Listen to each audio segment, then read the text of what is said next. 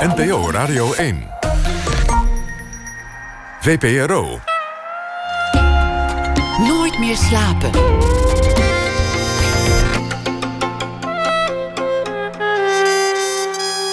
Met Pieter van der Wielen. Goedenacht en welkom bij Nooit meer slapen. Vrije Radicalen is de titel van het nieuwe boek van Carolina Trujillo over Uruguay, waar de schrijfster zelf ooit vandaan kwam, over gekte en over ballingschap. Ze komt langs na één uur. Dan gaan we het ook hebben over eh, Ricky Gervais. De komiek komt naar Nederland. En wat nou hem zo bijzonder maakt en waarom zijn fans zo moesten juichen bij dat bericht, dat bespreken we ook na ene. Te beginnen met Salomon Kronenberg. Een prachtige wetenschappelijke carrière heeft hij achter de rug. Een staat van dienst die buiten kijf staat. Hij heeft een aantal eh, goed verkochte boeken geschreven. En wat iedereen die hem wel eens heeft ontmoet zal beamen, het is een amabele man. Toch zijn er mensen in de wetenschappelijke wereld die zuchten, knarsen, met de ogen draaien wanneer de naam Salomon Kronenberg weer valt. Hij is namelijk klimaatskepticus, of laat ik het zorgvuldiger zeggen, en noemen zoals hij het zelf noemt, klimaatrelativist. Of het werkelijk zo slecht gaat met de hoeveelheid CO2 in de lucht en of dat werkelijk de gevolgen zal hebben die iedereen altijd omschrijft, dat waagt hij te betwijfelen.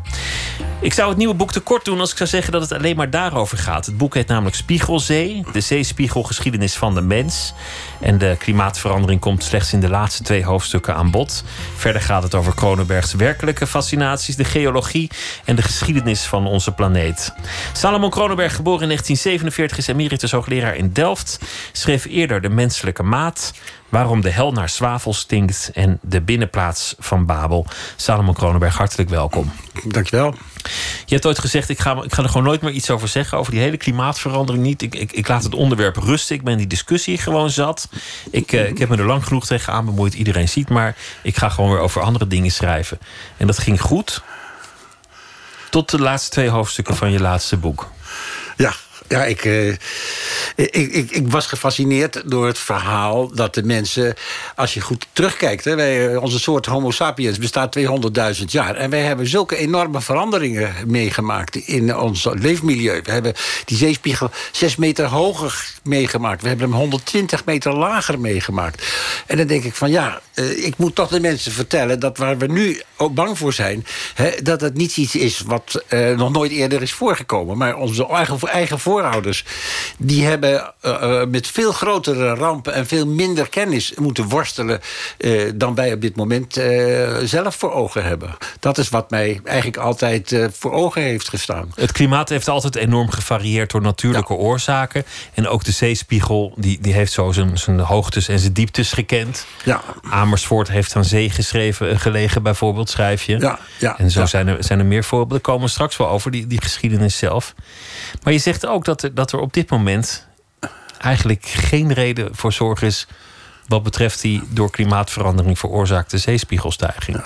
Nou, ik heb uh, vooral gekeken naar de dingen die gepubliceerd zijn. Uh, zowel hier in Nederland als elders in de wereld. Van hoe snel gaat het nou eigenlijk met die zeespiegelstijging? En uh, we zien dus wel dat er natuurlijk wij een heleboel extra CO2 in de atmosfeer hebben gebracht. Maar wat je ziet is dat die zeespiegel al sinds het einde van de 19e eeuw... met steeds dezelfde snelheid stijgt. Ongeveer 20 centimeter per eeuw. En dat is helemaal niet versneld door al dat extra CO2 wat wij in de atmosfeer hebben gebracht. Dus ik dacht, dat is toch verbazingwekkend eigenlijk. Je zou verwachten dat als dat CO2 zo belangrijk was... dat op het moment dat we echt flink zijn gaan stoken... na de Tweede Wereldoorlog... dat die zeespiegel ook veel sneller omhoog zou gaan. Maar we zien het gewoon niet. En uh, ik heb dat natuurlijk niet zelf gemeten... maar een van de belangrijkste studies waar ik me op gebaseerd heb... is de studie van Deltaris, hè, zeg maar. Dat is de, de onderzoekspoot van wat, uh, van wat, wat die vroeger bij Rijkswaterstaat hoorde. Die hebben van dag tot dag, van week tot week, van maand tot maand al die records vanaf 1880 tot nu bij elkaar genomen... van alle pijlschalen in Nederland. En die zeggen, ja, wij kunnen niet zien dat die zijspiegel sneller is gaan stijgen door dat CO2. Hier in Nederland, we houden rekening met de bodemdaling... met al die verschillende factoren. En ze kunnen het niet zien. Dan denk ik van, nou, is dat CO2 dan echt zo belangrijk... als die zeespiegelstijging zich er eigenlijk niks van aantrekt? Maar als ze zeggen, we kunnen het niet zien... dat, dat, dat geeft misschien ook aan dat het moeilijk te meten is. Dat, dat die metingen niet heel rijk voorradig zijn, niet heel ver teruggaan.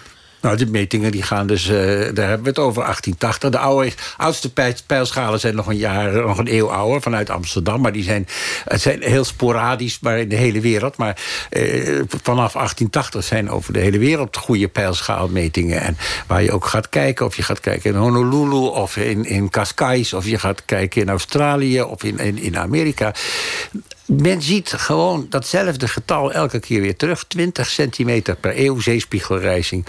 En als dat zo, zo is, dan denk ik van ja, zonder dat je uh, uh, allerlei rare rekentrucjes gaat toepassen, dan betekent het gewoon dat die zeespiegelrijzing nog net zo snel gaat als die deed voordat dat extra CO2 in de atmosfeer hebben gebracht. Dat is, dat is wat ik zie. Daar baseer ik dus ook mijn verhaal maar het, op. Het IPCC, en dat is dan een, een soort optelsom van heel veel klimaatstudies van over de hele wereld. Hun taak is om dat mhm. allemaal bij elkaar te brengen. Die, die komen op, op, op een, een ondergrens en een bovengrens. Een aantal variabelen van wat ze denken dat het ongeveer is. En die zitten al op een paar centimeter. Eh, er, zijn, er zijn twee manieren om het te meten. Hè. Laat me het eerst even zeggen. De eerste is de, de time-honored, dat is de pijlschalen. Hè. De pijlschalen die overal langs de kust staan in de hele wereld. Daar heb ik het nu over. Er is een tweede methode en dat is, die bestaat sinds 1993. En dat zijn radarsatellieten die over de hele aarde draaien... en die met de nauwkeurigheid van uh, eh, 4 mm... Uh, of de zeeën elke tien dagen die, die zeespiegel meten. En die komen op een getal wat ietsje hoger is. Hè. Die komen op 28 centimeter per, uh, per eeuw. En sommige ietsje hoger nog. Zeg maar in de orde van grootte van 30 centimeter per eeuw. Maar dat is, ja, dat is sinds 1993. Dat is een hele korte tijdschaal. En waarom die, die satellieten dat dan wel aangeven... en de pijlschalen niet, hè, dat is natuurlijk toch een heel, heel vreemd gegeven. Het betekent dat er twee verschillende soorten gegevens zijn... die op dit moment nog niet goed met elkaar vergeleken kunnen worden. Dus als je zegt, ik kijk alleen maar naar de satellieten... en ik ga de pijlschalen niet uh, in, in, in, betrekking nemen...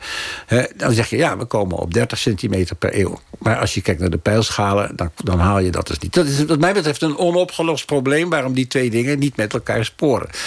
Eh, maar eh, waar het IPCC natuurlijk vooral naar heeft gekeken... dat is hoe gaat het verder in de toekomst. Die prognose, en dan komen ze op, op 70 centimeter... En, en bij El Gore was het al een paar meter. En ja, daar zijn heel veel getallen in nou, die, die getallen zijn niet zo heel erg gevarieerd in de, in de loop der jaren sinds het. Hè. Ze zitten eigenlijk tussen de, zeg maar, de 30 centimeter aan het hoger aan het eind van deze eeuw tot uh, 80 à, 90 centimeter aan het eind van deze eeuw. Dus een grote range weliswaar, maar uh, wat je dus nu ziet eigenlijk is dat de pijlschalen een, een zeespiegelrijzing aangeven die nog onder de onderste projectie zit van wat het IPCC heeft, ons, ons heeft voorgespiegeld. Al 15 jaar geleden, bij wijze van dus, dus de, de, pijlschalen houden zich niet aan de prognoses. Ik wil het geen prognoses noemen, projecties noemen ze het zelf. Aan de projecties van het, van het IPCC.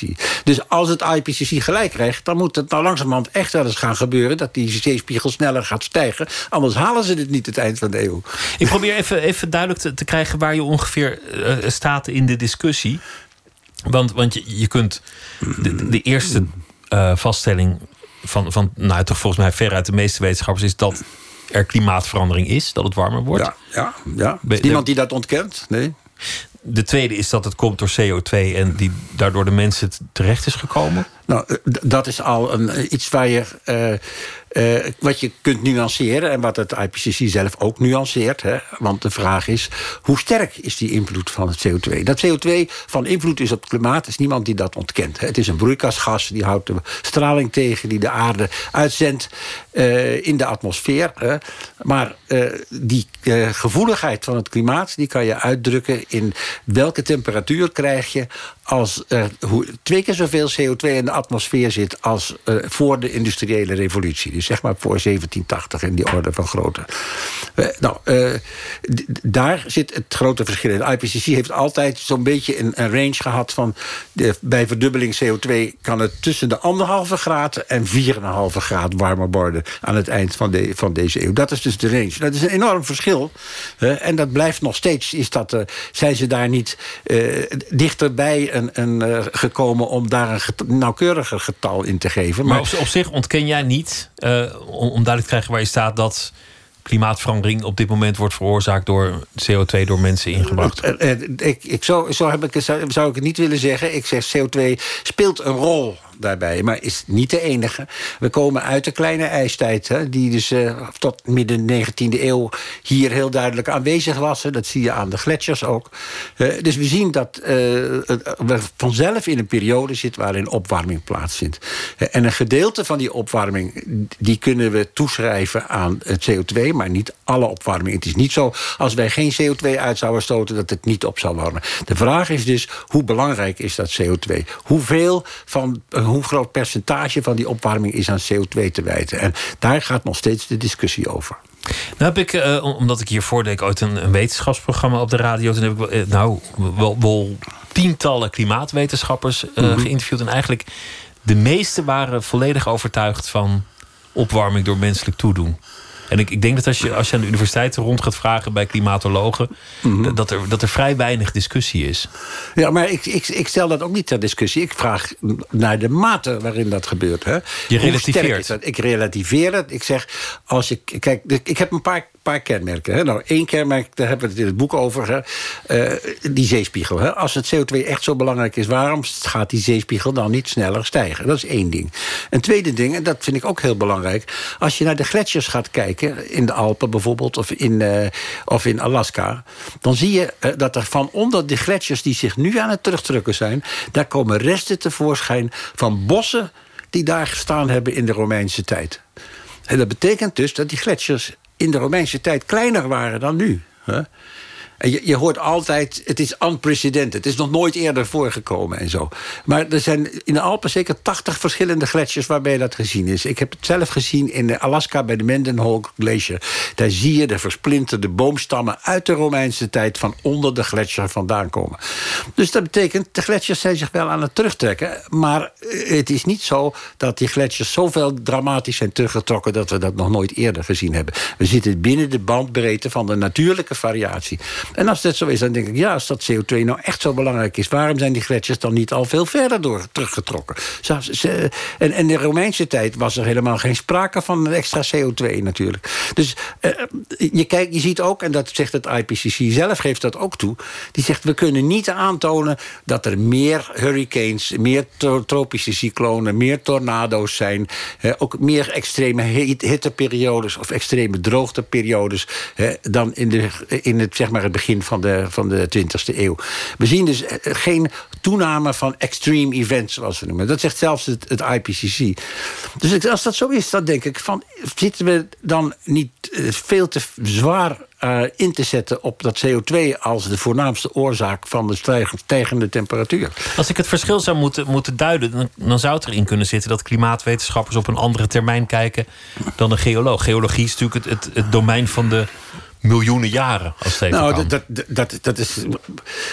Ook bij de klimatoloog heb je een hele serie mensen die met verschillende. Je hebt ook de paleoclimatologen, die dus zich juist met het klimaat van het verleden bezighouden. Dus het is niet. Het is, de mensen, er zijn mensen die nu metingen doen aan gletsjers. en die daar dus voor de, van de laatste paar jaren. of, of enkele tientallen jaren metingen voor hebben. Die kennen die geologische uh, tijdschalen wat minder. Maar er zijn ook paleoclimatologen die dus de, de geschiedenis van het klimaat in het verleden bekijken. Die daar wel degelijk oog voor hebben hoor. Het is niet zo dat, dat ik de enige ben die dat doet. En de IPCC-rapporten hebben ook altijd een heel, uh, een, een heel uh, paragraaf over paleoklimaat en paleozeeniveau en zo. Daar wordt echt wel naar gekeken.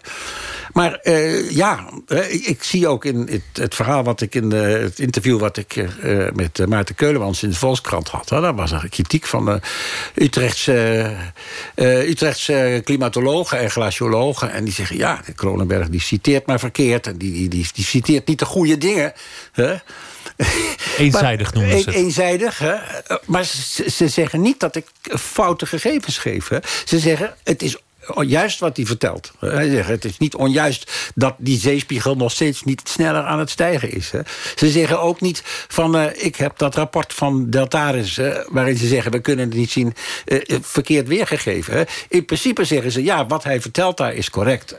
Maar het is maar het halve verhaal, zeggen ze want, dan. Want je bent volgens mij in de Nederlandse wetenschappelijke wereld... de enige die, die echt met, met verf dit, dit verhaal probeert te weerleggen. Ja, dat, dat kan wel zijn. Dat is, uh, ik geloof niet dat ik de enige ben die er zo over denkt, hoor. Het is, uh, maar binnen de wetenschappelijke wereld? Ja, nee, maar ik, ik, ik, ik, heb heel veel van mijn collega's geologen... die zijn het met mij eens, hoor. En in de, zo mooi was dat in de, in de recensie in de Süddeutsche Zeitung... van het boek van, van het eerste boek, hè, de mens, van de menselijke mate. daar stond dus ook heel verhaal van wat er in dat boek stond. En die hadden een, boven de recensie hadden geschreven... geologen tikken anders. Hè? Dus ze tikken anders met een andere klok. Hè? Dus geologen tikken anders. En die kijken, die, wij kijken naar de lange, lange termijn. En die zien ijstijden, die zien, die zien uh, tijden dat hier koraalriffen voor de kust lagen. Die, die denken 120 meter lager dan nu, ja. 6 meter hoger dan nu. Waar gaat het over? Ja, ja nee, dat is, dat is zonder meer. Hè? Maar dat is niet het, het, het laatste stuk van het boek. Hè? Dat is de, de rest van het boek eigenlijk. Het is eigenlijk maar een, een, een, detail van het boek waar we het nu over hebben. Heeft dat, heeft dat eigenlijk jou um, aangetast? Dat, dat je zo'n eenzame strijd voert... of, of in een eenzame strijd verzeild bent geraakt? Oh, nou, ik, ja, eigenlijk niet hoor. Nee, ik bedoel... Uh, ik, uh, ik zit niet op Facebook en ik zit niet op Twitter. Dus ik krijg een heleboel uh, reacties die men misschien uit de onderbuik meteen naar mij toe zou sturen. Nou ja, die, die, werd, die, hoor ik niet. Maar, je, je, werd gevraagd voor een advies over schaliegas. Ja. iets wat heel dicht bij je eigen expertise ligt. Ja. En, en toen, toen kwam er ineens een storm van protest. En toen werd je in de krant een klimaatontkenner genoemd. Of je werd, je werd een, een, zelfs, zelfs een lobbyist van, van de fossiele brandstofindustrie genoemd. Ja, ja goed. Uh, daar werd je integriteit wel echt te grabbel gegooid. Ja, ik, ik, ik zit daar niet mee hoor. Ik bedoel, ik, ik ken mijn eigen waarden en ik ga echt niet op alles reageren en zo. Ik, ik vind ook, als ik iets zeg, dan mag het een zekere zeldzaamheidswaarde hebben. en ik denk ook van, nou, er zijn nog zoveel onzekerheden in dat hele klimaatverhaal. Hè afgezien van dat schaliegas, dat is weer een ander verhaal. Maar je ziet elke dag is iedereen bezig met te kijken... welke kant gaat het op met het klimaat. We kunnen het nog niet goed voorspellen. Wat je ziet is... is ja, bijvoorbeeld, in, iedereen had voorspeld... dat er in 2014 een monster El Nino zou komen. Hij kwam niet, hij kwam in 2015. Dus iedereen die zit gewoon met, met, met gespannen uh, knietjes te kijken... naar, uh, hoe ontwikkelt het zich. Want hoe het zich echt gaat ontwikkelen... dat, dat, dat, dat snappen we gewoon nog niet goed. Daar, begon je je eerste boek mee. Dat, dat je um, naar, naar een regelmatig naar een meer of een zee werd geroepen. Uh, omdat mensen zich afvroegen: hoe kan het dat hij droog staat? Of hoe kan het dat er zoveel hoog water is? En dat het dan, nou ja, een, een paar maanden later weer gewoon normaal was. Ja, eh, ik weet niet precies waar je nu op doelt, maar, maar ik heb veel in de Kaspische Zee gewerkt. En dat was in dat is in zoverre dat we hebben daar twintig jaar onderzoek gedaan met de Russische uh, Moskouse Staatsuniversiteit en met, met lokale partners. Want daar ging tussen 1977 en 1995 ging de zeespiegel. Uh, met een snelheid van 15 centimeter per jaar omhoog. Hè. Die is dus in 20 jaar is, is die eh, bijna 3 meter gestegen, die, eh, die zeespiegel daar. Het is een afgesloten bekken. Het is eigenlijk een meer, zou je meer kunnen zeggen. Hè. Maar dat was rampzalig, want alle, alle, alle, mensen die daar aan de kust woonden... die moesten evacueren. En er zijn geweldige ja, ook infrastructuur die daardoor is, eh, is vernield. En zo. Dat was het grootste milieuprobleem in Rusland in de jaren 90. En toen zochten mensen ook een menselijke oorzaak. Uh, ja, maar het gekke is dat... Uh,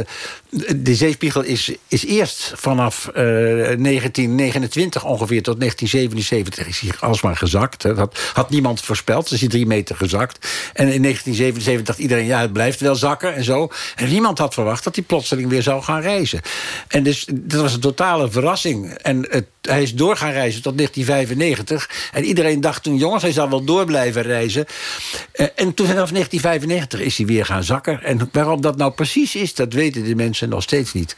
En dat is voor mij wel een belangrijke ervaring geweest... omdat het me laat zien hoe onvoorspelbaar de natuur nog kan zijn. Hè? En dat is, dat is wel een van de beweegredenen geweest... om die zeespiegel altijd een beetje in de, in de gaten te houden. En ook om dit boek, hoewel de Kaspische Zee en de Zwarte Zee... er nauwelijks in voorkomen. Maar dat is wel iets... Het, het heeft mij een beeld gegeven... Eh, dat de natuur toch veel onvoorspelbaarder is... dan je zo in eerste instantie zo zou denken. Donald Trump die denkt dat het eh, door de Chinezen is bedacht... om de concurrentiepositie van Amerika te, te, te verzwakken. Nou ja, daar hoeven we het toch niet over te hebben, hoop ik. Hè? Nee, maar, maar eigenlijk is, ongeacht wat je denkt over, over klimaatverandering... wil het nog niet zeggen dat het verstandig kan zijn om... Uh, op andere duurzamere brandstoffen over te schakelen. Nee, maar daar ben ik ook helemaal mee eens. Ik bedoel, eh, de, de mensen die tegen mij zeggen... jij bent uh, oliemannetje of zo, die, die, die kennen mij niet. Want ik bedoel, A, heb ik nooit voor een oliemaatschappij gewerkt. Maar B, vind ik... Uh, ik, ik praat niet meer over fossiele brandstoffen. Ik praat over fossiele grondstoffen. Want daar moeten ze blijven in de grond. nee, 15% van alle olie en gas die worden gebruikt voor heel andere, voor heel andere doeleinden. Die worden gebruikt voor, voor plastics, alle plastics, voor zeg maar skateboards, zeg maar kogelvrije vesten, baksnippers, van, van alles en nog wat. Lego blok, blokjes lag ik laatst in de krant, dus die zijn ook van olie gemaakt en zo. Dus ja, kinderspeelgoed, alles, zoveel dingen zijn daarvan gemaakt. Dat zijn waardevolle grondstoffen. Je moet niet eigenlijk dat allemaal verbranden. Dat is zeg ik zonde. Dus ik vind, wij willen heel graag iets van die fossiele grondstoffen overlaten voor toekomstige generaties. Zodat zij ook organische zonnepanelen kunnen maken. Hè? Straks is er geen olie meer om organische zonnepanelen van te maken. Dus ik, ik, ik, ik denk, je moet daar. Uh, uh, je hebt redenen genoeg hè, om zuinig te zijn uh, met energie. Redenen genoeg om fossiele grondstoffen te sparen voor, voor, voor, toekomstige generaties. En als het helpt voor het klimaat, hè, omdat je minder CO2 uitstoot, dat is meegenomen, hè, helpt het niet. En dat is een beetje mijn inschatting. Dan heb je toch iets nuttigs gedaan. Want je hebt fossiele grondstoffen voor toekomstige generaties gespaard. Zometeen gaan we over andere dingen praten dan alleen uh, klimaatverandering. Maar eerst gaan we luisteren naar Lana Del Rey. Want die heeft uh, plotseling gisteren een nieuwe single uh, de wereld ingegooid. En het nummer heet Love.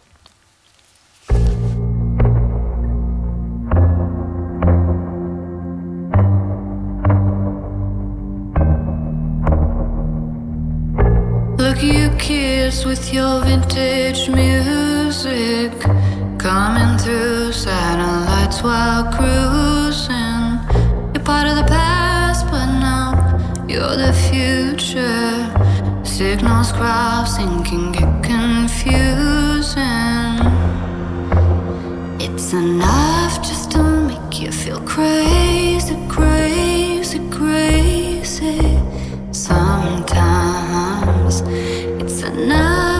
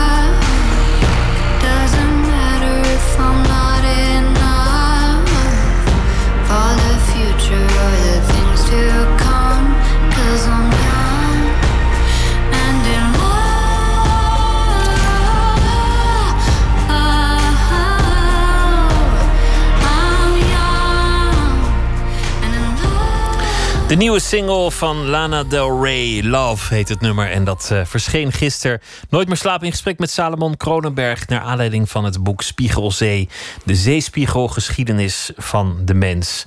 Salomon Kronenberg die als eh, kind de watersnoodramp van 1953 van nabij meemaakte in, eh, in Zeeland. Hij is geboren in Leiden, als ik het goed heb. Ja, ja. Daarna woonde hij in Oostgeest en de familie die vertrok uiteindelijk naar Zeeland, waar eh, in 1953 die enorme ramp plaatsvond. Ja. Een ramp waar vaak eh, aan herdacht wordt, aan, eh, gerefereerd wordt wanneer het gaat over zeespiegelstijging. Wat, wat weet je er nog van eigenlijk? Nou, ik weet dat nog dat het heel hard, heel hard waaide... en dat de bakkerskar werd, om, werd omgewaaid... en de schutting in onze tuin ging om. Maar eh, wat het belangrijkste was... is, ik, wij woonden in Goes. En Goes ligt op een kreekrug. Dat is iets hoger. Ons huis is dus niet overstroomd geweest. Maar we hebben een hele tijd mensen in huis gehad... eh, eh, uit, Kruiningen die hun huis kwijtgeraakt waren. Dus we hebben een hele familie van der Malen... die is toen bij ons in huis getrokken... zolang die ze niet weer terug naar hun eigen huis. Dat heb ik opgeschreven ook in de, in de menselijke maat. En eh, die, uiteindelijk hebben die mensen contact met me gemaakt... naar aanleiding van wat ik in het boek geschreven had. Dus ik heb, eh, ik heb ze weer gesproken. Die, eh, die, die drie broers van der Malen... eh, die eh, nu daar weer in de, in de regio wonen en zo. Dus eh, ja, dat is voor mij is dat het meest, eh, het, het, het, het meest eh, zichtbare daarvan. En mijn vader die heeft dus heel sterk van dichtbij heeft hij al die, eh, de deltawerken gevolgd en gezien. Dus eh, ja, het Noord-Beverland met een eh, de sluiting van het Veerse gat. Hè, dat zag ik. Dus alle werken die daar eh, daarna zijn gekomen, dat, dat hebben we ook veel erg van, van dichtbij meegemaakt. En zo. Dus, Je eh, ouders ja. waren allebei arts. Ja, mijn vader was oogarts. en mijn moeder was, ja, had echt neurologie gedaan. Die had een soort kinderpsychiatrie praktijkje eens in de week en zo. Maar voor de rest was ze vooral ze was geestelijk raadsvrouw van het Humanistisch Verbond. En ze gaf, heeft het Rutgershuis voor seksuele voorlichting in, in Goes opgericht. Waar eh, de, de rest van de artsenvrouwen toen nog schande over spraken. Eh, dat was een hele sociale vrouw. Dus eh, ja, mijn vader was een beetje teruggetrokken. Mijn vader was lid van de VVD en mijn moeder was lid van de PvdA. En, Dat ging goed. eh, dat ging goed, ja. Bij de verkiezingen gingen allebei de aanplakbiljetten bij ons voor de deur, of voor de ramen. Dus eh, ik heb ervan geleerd altijd alle opties open te houden. Dus, eh, Je, je wetenschappelijke interesse, als je die dan toch van iemand moet hebben, dan, dan zal het waarschijnlijk je opa zijn geweest. Nou, het is, ik, eh, mijn opa is, was, heeft denk ik meer invloed op, op mentale belangstelling gehad. Maar eh, het, het is, ik had een oom, eh, dat was een, broer van mijn moeder. eh, die was eh, bioloog, eh, op het gebied van kreeften en krabben. Hij werkte in eh, wat nu Naturalis is. hè, en eh, eh, het hele leven kreef, kreeften en krabben. En hij reisde overal naartoe. En ik heb van jongs af aan mijn ouders aan hun kop gezeurd... of ik niet mee mocht, want ik wou ook reizen enzovoort. Op expeditie wilde Op je. expeditie. Hij ging dan naar Curaçao of de Filipijnen in, in grotten om, om kreefjes en garnalen te vangen en dat soort dingen.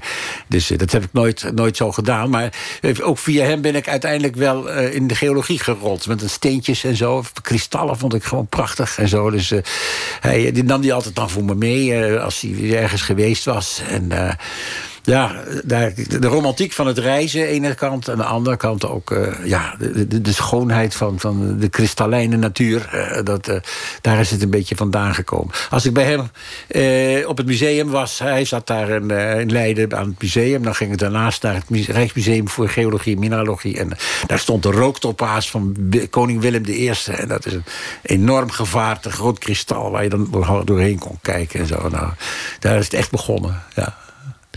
De talenkennis die verloor het en het werd uiteindelijk bij jou eh, geologie, maar je had ook net zo goed taalwetenschapper kunnen worden. Ja, daarom. Maar ik heb uiteindelijk toch...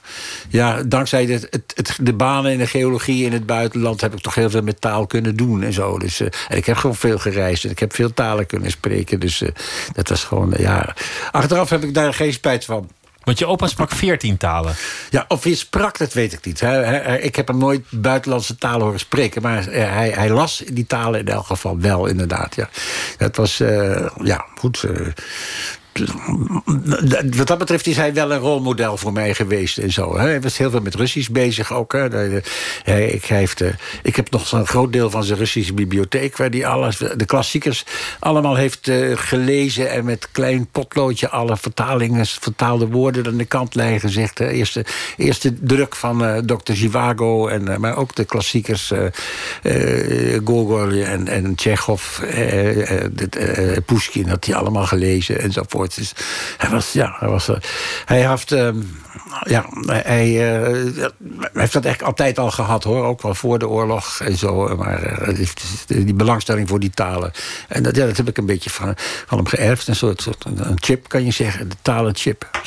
De, de, de familie aan, aan vaders zijde was een Joodse familie. Jij Ja. bent geboren twee jaar na de oorlog. Ja. Wat, wat heb jij daarvan meegekregen? Want die, die familie die heeft dat over zich heen gekregen. Dus, dus natuurlijk eh, waarschijnlijk heel veel mensen verloren ook. Ik, weet- dat je opa heeft eh, in een kamp gezeten. Ja, ja, ja. Mijn, eh, mijn opa die, was directeur van het Nederlands-Israëlitisch ziekenhuis in Amsterdam voor de oorlog vanaf 26, nadat hij terug was gekomen uit Nederlands-Indië. En eh, daar heeft hij tot eh, augustus 43 gezeten. Hè, dus eigenlijk heel lang, omdat de Duitsers op dat moment ja, bang waren voor besmettelijke ziektes. En die ziekenhuizen zo lang mogelijk ongemoeid hebben gelaten. Maar in 1943 zijn ze dus opgepakt. En eh, hebben ze een jaar in Westerbork gezeten. En daarna zijn ze naar Theresienstadt in, in Tsjechië zijn ze gedeporteerd. En eh, mijn oom, die net overleden is, die eh, is, heeft in Bergen-Belsen gezeten. Dat was de jongste van allemaal. Mijn tante, die is in 41, toen de Jodenster werd ingevoerd... eh, met haar man naar Amerika gevlucht. En met achterlating van een baby in Nederland. En mijn vader en zijn andere broer... die zijn, toen mijn ouders, mijn grootouders werden opgepakt... door het kelderraam gevlucht. En die hebben de hele oorlog ondergedoken gezeten in Amsterdam.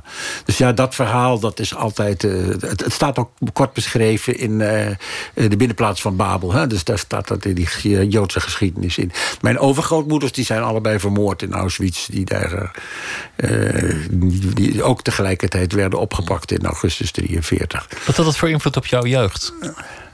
Ja, niet zoveel moet ik zeggen. Want mijn vader die, die was geboren in Indië... en niemand wist eigenlijk dat ze Joods waren en zo. Mijn, mijn, eh, vader en zijn broers die zijn ook pas besneden... eh, en toen mijn eh, grootvader directeur van het Joodse ziekenhuis werd. En, zo. en hij heeft het altijd iets vervelends gevonden. Ik heb helemaal niets van de, de, de, de Joodse geschiedenis of de cultuur meegehad, eh, meegekregen. Mijn, mijn, mijn ouders waren lid van het Humanistisch Verbond. Mijn moeder was oorspronkelijk vrijzinnig protestant. Maar dat, dat was hun, hun religie, zou je kunnen zeggen. En dat heb ik veel meer van meegekregen dan van het, het- de, de, de Joodse geschiedenis. Ze waren heel erg geassimileerd al. Hè? Dus, Maar, eh, maar ze voor keken meer vooruit dan, dan achterom. Het, het was een, Ja, iets zeker. Ja. Mijn vader was. die, die had het eigenlijk nooit over. En eh, die, eh, ja, hij, hij, hij heeft het eigenlijk, denk ik, best een gelukkige jeugd gehad. Tot het moment dat hij ineens ontdekte dat hij bij een, een, een groep verschoppelingen hoorde en zo. En ja, dat heeft, hij- dat heeft hij moeilijk gevonden en zo. Dat is een beetje een introverte man. Hè? Je, je zou nou zeggen dat hij een beetje ja, aspergerachtig soort eh, eh, karakter had. En eh, eh, ja, dus dat, eh, dat heeft hem wel geraakt. Maar eh, hij, eh, hij heeft er nooit iets. eh, Dat heeft dat nooit willen cultiveren en zo. Mijn, mijn oom dus wel, de andere familieleden, die hebben daar. Er zijn er een aantal die dus echt nog flink daarmee bezig zijn. Maar mijn vader is natuurlijk de enige die met een niet-Joods meisje is getrouwd en zo. En eh, ja, mijn grootouders die hadden daar toch niet zoveel bezwaar tegen. eh, want ze vonden, eh, ja, ze is daar wel niet Joods, maar ze is wel arts. Toch, status, dat is altijd goed. Wat, wat voor waarde hebben ze jou mee grootgebracht? Want, want het, het klinkt ook wel weer als een, als een omgeving die, die, die, die pragmatisch, ruimdenkend en, en optimistisch was. Ja, nou, mijn vader was ik zeg, heel teruggetrokken. Maar mijn moeder die was gewoon heel, ja, heel sociaal en heel eh, eh, outgoing ook. Die, nam initiatieven. En, en eh, nou, wat ik zei, die heeft Rutgershuis opge, opgericht. En ja, daar komt eigenlijk... zij was de drijvende kracht in het, in het gezin. Zij heeft ons veel meer die waarde bijgebracht. Ik ben meer een moederskind moederskindje ook, derde en vaderskindje. Dat zijn, ik ben de oudste van vijf. Dat zijn niet allemaal zo. Er zijn er ook die meer naar mijn vader toegegroeid zijn. Maar eh, ja, ik, ik, ik, ik voel dat. eh, ja. Mijn moeder was een vernieuwer in zekere zin. Hè? Omdat ze met dingen begonnen is daar in. Dat is een, een klein dorp, waar, eh, een klein stadje, hè, met eh, de helft protestant en de helft katholiek. En eh, ze vonden toen, daar moet je toch ook ergens bij horen. Dus toen is dat Humanistisch Verbond, dat komt uit mijn moeders koker, niet uit die van mijn vader. En eh, ja, dit, daar, dat was eigenlijk een beetje wat ik. Die mensen zijn zelf verantwoordelijk voor wat ze, eh, voor, voor wat ze doen. Er is geen hogere macht eh, waar je lekker bij kunt uithuilen en die je, kan, die je je zonde kan vergeven. Je moet het helemaal zelf, eh, jezelf. Je bent zelf verantwoordelijk voor de dingen die je doet. Dat is eh, de spirit waarin ik opgegroeid ben. En, van en waar je van nog steeds bij thuis voelt. ja, en, en die. die ja, ik, ooit als negenjarig jongetje liep ik op straat en ik ben in mijn kraag gepakt. En dat- door een paar op, opgeschoten jongens. En die zeiden: Wat ben jij, protestant of katholiek? En ik wist helemaal niet wat die woorden betekenden. Geen idee. Geen idee. Eh, Ik heb het overleefd, dus ik weet ook niet meer wat ik voor antwoord heb gegeven. Maar, eh, maar ja, dat, dat lag allemaal heel ver van, van openbare scholen gezeten natuurlijk. Dus, eh, maar het is niet zo dat ik nu zelf humanist ben of zo. Ik, ik, ik, ja, ik, eh, ik ben graag Einzelganger wat dat betreft. Eh, Ik, eh, ik, ik hoef niet zo nodig ergens bij te horen. Dat, eh, Zelfs niet bij de, bij de wetenschap, wat soms ook een gesloten bolwerk kan, kan lijken. Veel van je leven eh, heb je doorgebracht eh, op expeditie. Of in ieder geval zijn dat volgens mij de momenten dat je heel gelukkig was. Je- Ja, je, je, schrijft in, in, in de meeste van je boeken over plekken waar je onderzoek hebt gedaan, Mm. of expedities waar je aan, aan deel hebt genomen. En, en dat gevoel dat je als jongetje had, dat, dat lees ik daar nog steeds in terug. Van, van Ja. op reis gaan met een doel als een soort eh, ja, kuifje in de geheimzinnige ster. Om, om, om iets te exploreren. Nou, dat, dat is nog steeds zo. Ik, ik, ik, eh, ik, ik zit nu ook, ben betrokken met een eh, programma in de Zwarte Zee, Kaspische Zee. En dan eh, ja, begeleid ik studenten. Ik zit in Suriname met een heel met begeleiden van studenten en zo. In die zin hou ik van reizen. Maar ik ben, ik ben een slechte toerist. Ik, ik, ik vind het eigenlijk altijd mijn, mijn vakantie om gewoon maar ergens naartoe te gaan en eens wat dingen te bekijken en zo. Ja, dat, daar, daar, ik, ik ben gewoon een slechte toerist. Ik vind veel leuker, leuker om, om met het vak bezig te zijn of daar ook echt iets substantieels te doen te hebben. Dan, dan kom je ook heel andere mensen tegen. Hè. Als toerist dan zit je altijd maar tussen de toeristen. Maar, maar je komt de mensen van het land tegen en zo. En eh, ja, daar kan je een taal mee spreken en zo. Maar het is ook de manier van reizen. Want, want je beschrijft vaak. Je beschrijft eh, de, een, een plaatsje dat ho met een uitroepteken heet.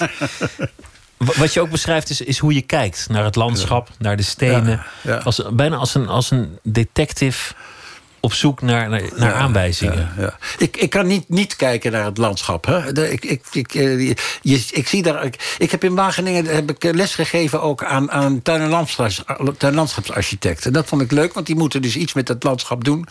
En die nam ik altijd mee naar Frankrijk. En da- daar liet ik ze dus zien dat bergen en heuvels en dalen een bepaalde betekenis hebben. Dat die een geschiedenis hebben. En dat was heel vaak een eye-opener voor ze. Want zij zijn gewend dat te zien als dingen waar je iets mee kunt doen. Hè, iets kunt inrichten.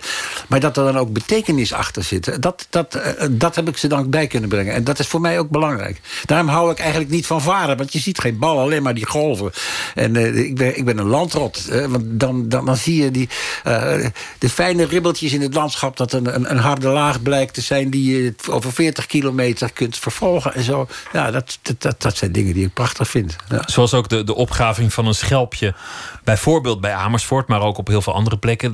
Dat leert dat daar ooit zee moet zijn geweest. Ja, zeker. Ja, ja, ja, ja. Dat is, dit is eh, een van de mooie verhalen die ik in Zuid-Afrika ook gezien heb. Het feit dat, eh, dat mensen hun.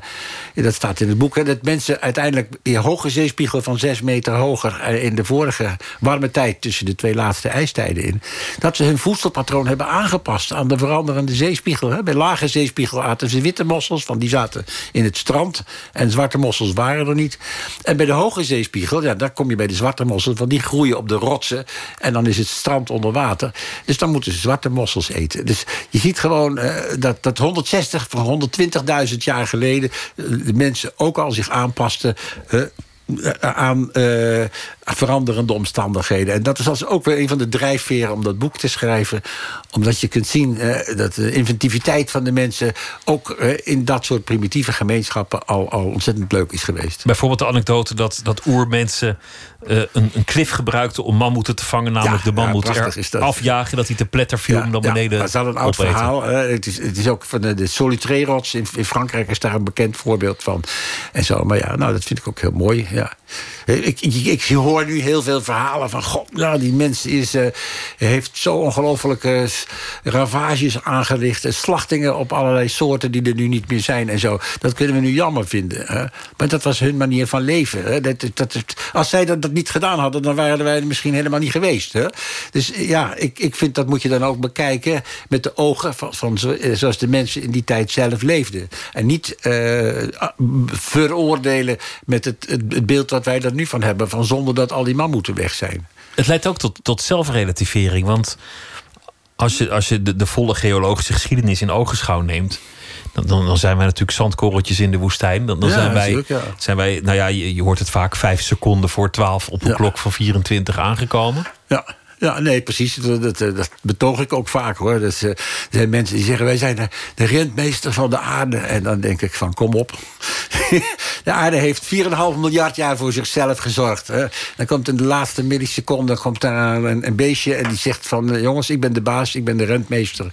Enzovoorts. En eh, dan denk ik: van dit is toch puur menselijke arrogantie. Dat ze denken van eh, dat zij de rentmeester zijn van de, van de aarde. Dat, eh, dat, dat is, eh, ik denk, eh, als je kijkt wat voor rampen er in de geologische geschiedenis gebeurd zijn. Hè, denk maar aan de eruptie van de Toba-meer in, in Sumatra, waarbij de hele mensheid 70.000 jaar geleden aan ten onder is gegaan. Eh, dan, zelfs als je denkt aan de tsunami van, van eh, tweede kerstdag 2004. hè, niemand wist dat de aarde in één klap over 1600 kilometer kon openscheuren. Dan denk ik van eh, de natuur is veel sterker. En we, we leven in geleende tijd, zolang er niet weer een hele grote ramp à la Krakatau, à la Toba meer eh, of iets dergelijks eh, zal gaan gebeuren. Dus eh, ik vind de mensen mogen best een toontje lager gaan zingen. Wat ik opmerkelijk vond in je boek, het- is maar een kleine passage, is dat je, dat je schrijft op een zeker ogenblik. ehm, ideeën in de wetenschap veranderen eigenlijk alleen maar wanneer de vorige generatie het veld heeft geruimd. Ja, het is niet zo dat iemand ooit een nieuw idee aanneemt. Je schrijft ook dat zou verlies van reputatie betekenen. Dat gebeurt gewoon niet. Het is gewoon wachten tot de nieuwe generatie met het nieuwe idee de boel overneemt. Ja, nou, het aardige is waar je dat heel mooi kunt zien in de Sovjet-Unie. hè. Eh, De oude Sovjet-Unie, daar was het. eh, de plaattectoniek eh, bestond niet. Hè. Meneer Bilausov, eh, die daar toen de baas was, die heeft. Eh, die zei van het is alleen verticale tectoniek en eh, de plaattectoniek bestaat niet. En pas toen die weg was, hè, en die waren jongere generaties die zagen wat er in het buitenland gebeurde, toen werd dat, werd dat aangenomen. Dus eh, je ziet, ja, ik zie ook nu bijvoorbeeld de klimatologen in Utrecht, zoals het hebben, die, die beginnen dan vaak met, een, met het idee van: ik wil iets betekenen voor de wereld. Hè. Ik ga iets doen. Hè. Wat is een groot probleem? Eh, Klimaat. Nou, ik ga klimaat studeren. Je, je studeert af. Je krijgt, eh, je, je, krijgt- de pluim op je hoed. En je, wordt, eh, ja, je, gaat promoveren. En je, je krijgt een baan. En je krijgt een mooie postdoc enzovoort. En iedereen zegt: goed gedaan, jongen. En zo. En dan op een gegeven moment dan blijkt van: hé. Hey, het verhaal schijnt niet te kloppen. hè. Nou, dat is een, een, een, een- als je je carrière gebouwd hebt op een overtuiging... hè, hè, dat je iets goeds doet voor de wereld door het klimaatprobleem aan te pakken... en het blijkt hè, dat het toch anders zit dan je in eerste instantie zou... eh, dan in eerste instantie. Dat, dat, dat is een psychologisch heel erg moeilijk eh, te verteren gegeven. Dus heel veel mensen die blijven dan toch gewoon in hetzelfde spoor. Maar dat is toch de essentie van wetenschap: dat, je, dat een idee maar zo goed is tot er een beter idee komt. Dat we ons baseren op metingen en dat we dan zeggen: nou, als die meting een ander resultaat geeft, dan is het andere resultaat waar. Ja, natuurlijk, dat is ook zo. Maar de, de, de menselijke geest eh, weigert dat soms te accepteren. Hè. Je hebt de be- bekende meneer Michael Mann, hè, de man die de hockeystick-curve heeft bedacht in 1998, die, waar dus de IPCC heel lang mee aan de gang is gegaan. Hè, die dus eh, aangeeft dat plotseling het klimaat plotseling uit, uit zijn dak gegaan is sinds de industriële revolutie, de CO2. Eh, die man die weigert uit zijn loopgraven te komen. En die is eigenlijk veel meer bezig op dit moment met eh, processen aan te doen tegen mensen die het niet met hem eens zijn. dan verder te gaan met de wetenschap. Omdat het gewoon een, een eh, affront is tegen zijn persoonlijkheid. om toe te geven dat er fouten zitten in zijn. Zijn reputatie is vergroeid met, met zijn stellingen. Ja, ik, wilde, ik wilde dat gewieks net op jou projecteren en zeggen: geldt dat voor jou ook? Zou, zou jij van mening kunnen veranderen zonder dat dat op de een of andere manier jou zou aantasten? Ben je niet veroordeeld om ook Ja. jouw verhaal vol te houden? Ja.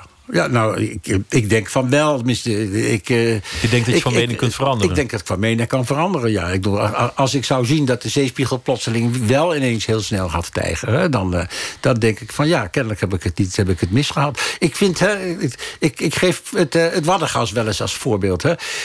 Dat is een discussie van, van tien jaar geleden, twaalf jaar geleden... van moeten we het, wa- het waddengas gaan winnen of niet. Hè. Toen hebben ze gezegd van oké, afspraak is we gaan het doen... maar met de hand aan de kraam. Hè.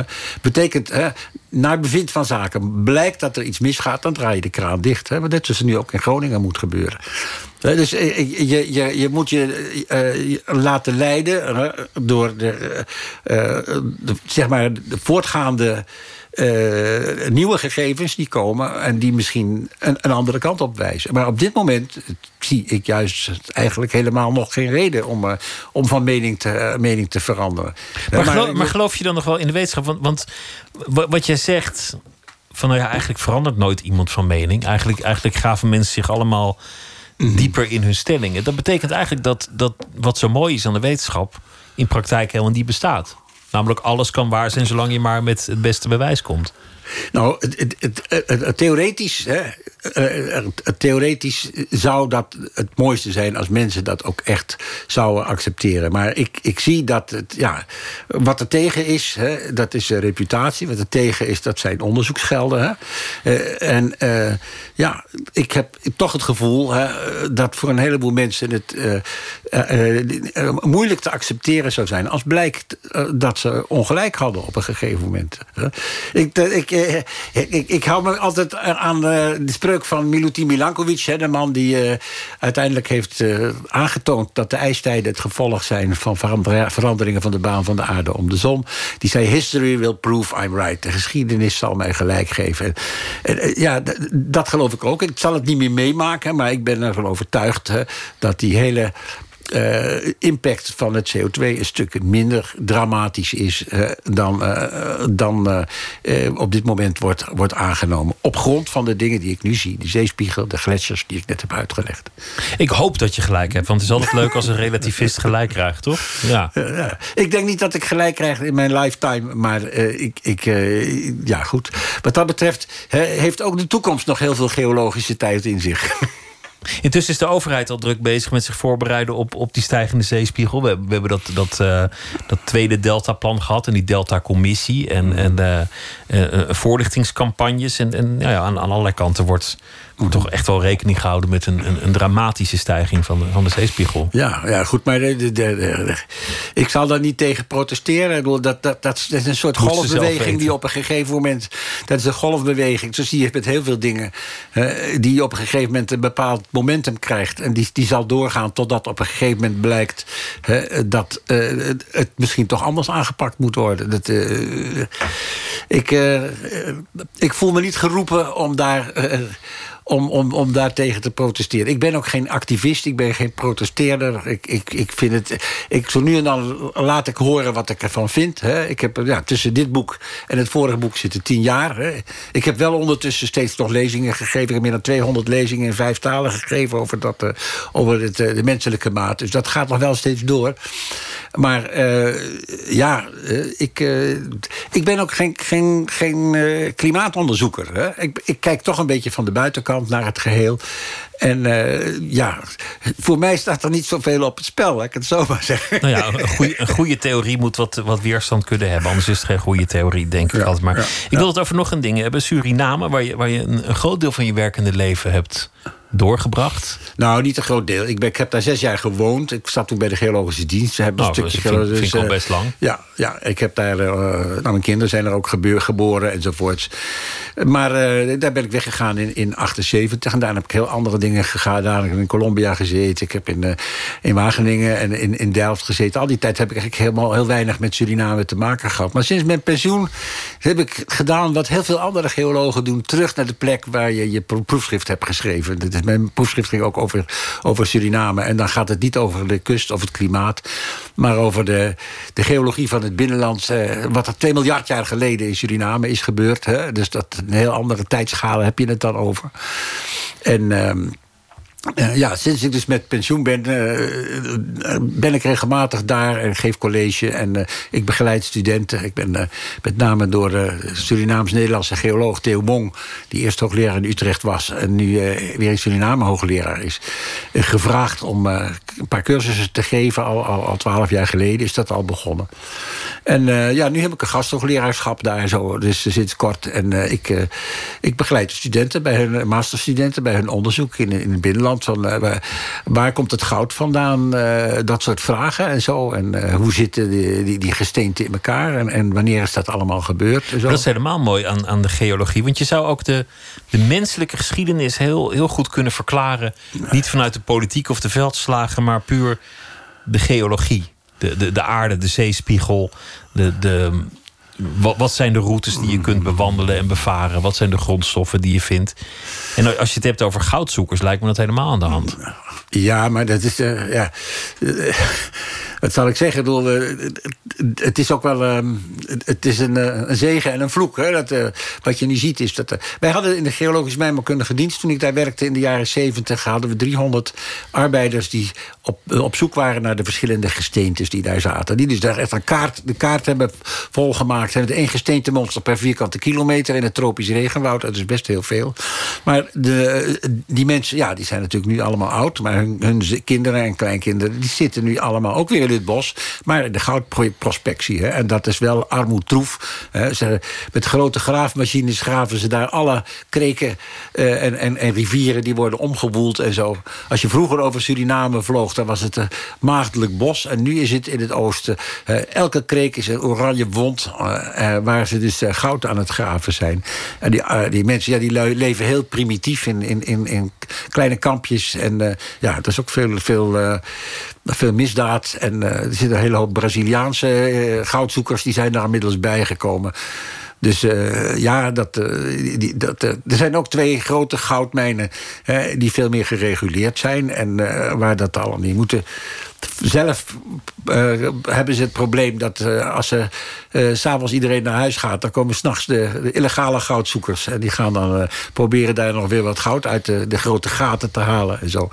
Dus ja, dat, dat is... eh, Jeroen Trommelen van eh Volkskrant heeft daar een prachtig boek over geschreven. Het Go To heet dat. Hè. Dat staat precies in hoe dat allemaal gaat. En ook welke duistere bedrijfjes daar allemaal... met politieke bindingen aan, aan het werk zijn. En Maar zo. het geldt volgens mij voor veel plekken waar je, waar je gewerkt en geweest bent in je, in je loopbaan. Dat wat, wat de mensen aanrichten om economisch gewin. Ja. Voor, voor palmolie of, of voor andere gewin. Natuurlijk veel van die gebieden zijn niet meer. Of nee, niet meer nee maar dat ze- gaat me ook aan het hart. Ik bedoel, hè, je, je, de mensen denken van ja, jij, jij, jij geeft de mensen maar een vrijbrief om hun gang te gaan en zo. En ja, dat vind ik helemaal niet. Ik ben juist, nou goed, tien jaar heb ik in tropisch regenwoud gewerkt, ook in Colombia nog. Eh, en eh, ik zie hoe kwetsbaar het is als daar eenmaal eh, als daar flink gekapt gaat worden en palmolieplantages komen en zo. Dat is iets wat me heel erg aan het hart gaat. En ik denk dat ja, dat, dat ook de moeite waard is om daar goede beschermingsprogramma's voor, voor op te zetten. Dat vind ik, heeft bij mij veel hogere prioriteit dan het klimaat als aan te pakken, zo te zeggen gezegd. Dat kunnen we ook niet. Maar de leefomgeving eh, mooi houden en de natuur beschermen. Ja, nou ja, ik, kijk, de natuur verandert altijd. Hè, maar dat tropisch regenwoud, hè, dat staat er toch al, al, al 14 miljoen jaar op zijn minst. Hè. Eh, eh, dus ja, en wat, wat zo bijzonder daar ook is, dat is de, de fijnheid van het levensweb. Hè. Dat je ziet van hoe alles in elkaar hebt. Dat er, je, je loopt daar rond en dan zie je een schildpad rondlopen. En dan zie je puntjes op zijn schild. En wat zijn dat? Dat zijn schildpadteken. Hè? Dat is een, een, een. Nou goed, de, wij krijgen er lime van. Maar die teken, hè, elke keer als die schildpad zijn kop uitsteekt... dan springt er zo'n teken op zijn, eh, op zijn kop. En die leven dus alleen maar van schildpadbloed. Hè? En je mijn god, ja, eh, dat is zo'n zo'n machtig voorbeeld van, van hoe de evolutie, eh, co-evolutie dan heeft gewerkt. Eh, Je wilt dat kunnen blijven zien, hoe, dat, hoe, dat, hoe die, die, die, die fijnheid van, de, van, het, van het levensweb. eh, Dat vind ik iets fascinerends. Ik Dan zou je bijna bioloog willen zijn. Net als mijn oom, hoewel die verder niet in, eh, in ecologie geïnteresseerd was en evolutie. Maar dan zie je van, ja, eh, eh, dat wil je snappen. Je wil weten hoe dat werkt. En, en als je... Want je nieuwsgierigheid is, is nooit minder geworden. Je, vorige boek ging over taal. Het boek daarvoor ging over, over de ondergrond. In, in, in al, al die boeken spreekt een enorme nieuwsgierigheid... Die, me- die met de jaren niet gedoofd is. Je energie is ook niet afgenomen. En zelfs het op ex- expeditie gaan... Dat, dat doe je volgens mij nog steeds alsof je een man van 28 bent. Ja, maar ik, ik, ik voel me niet eh, bijna 70. Dat, eh, het zal misschien ooit wel eens komen. Ik ben in, in november nog op de, de Tafelberg in Suriname geweest. eh. Eh, ja, ik, eh, ik vind dat nog steeds vreselijk leuk. Ik zal het jammer vinden als het, eh, als het niet meer kan. Dus eh, nee hoor, dat, dat, eh, 28, ja. Ik, ik, ik voel het verschil niet. Het, is nog steeds... eh, ik kijk alleen maar vooruit. Kijk niet... eh, ja, goed. eh, ik heb geen geraniums. Gewoon doorgaan zolang het, eh, zolang het je gegeven ja, is. ja, ja, ja. Ik wens je heel veel succes en, en heel veel plezier. En dank dat je wilde komen vertellen over je boek Spiegelzee, Salomon Kronenberg. Dank je wel. En we gaan luisteren naar De Dodo's. Een band van Merrick Long, gitarist en zanger. En dit nummer heet Walking.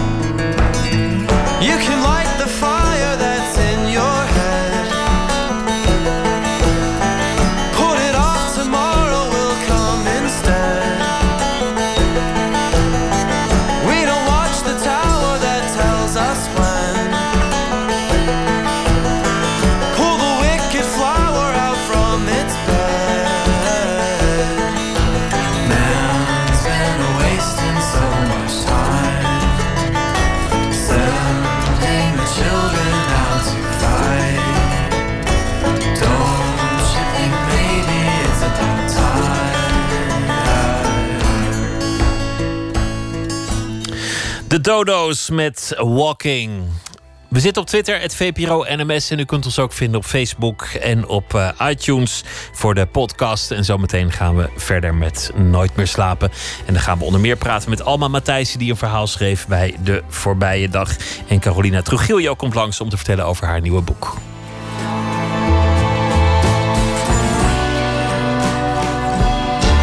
Op Radio 1. Het nieuws van alle kanten.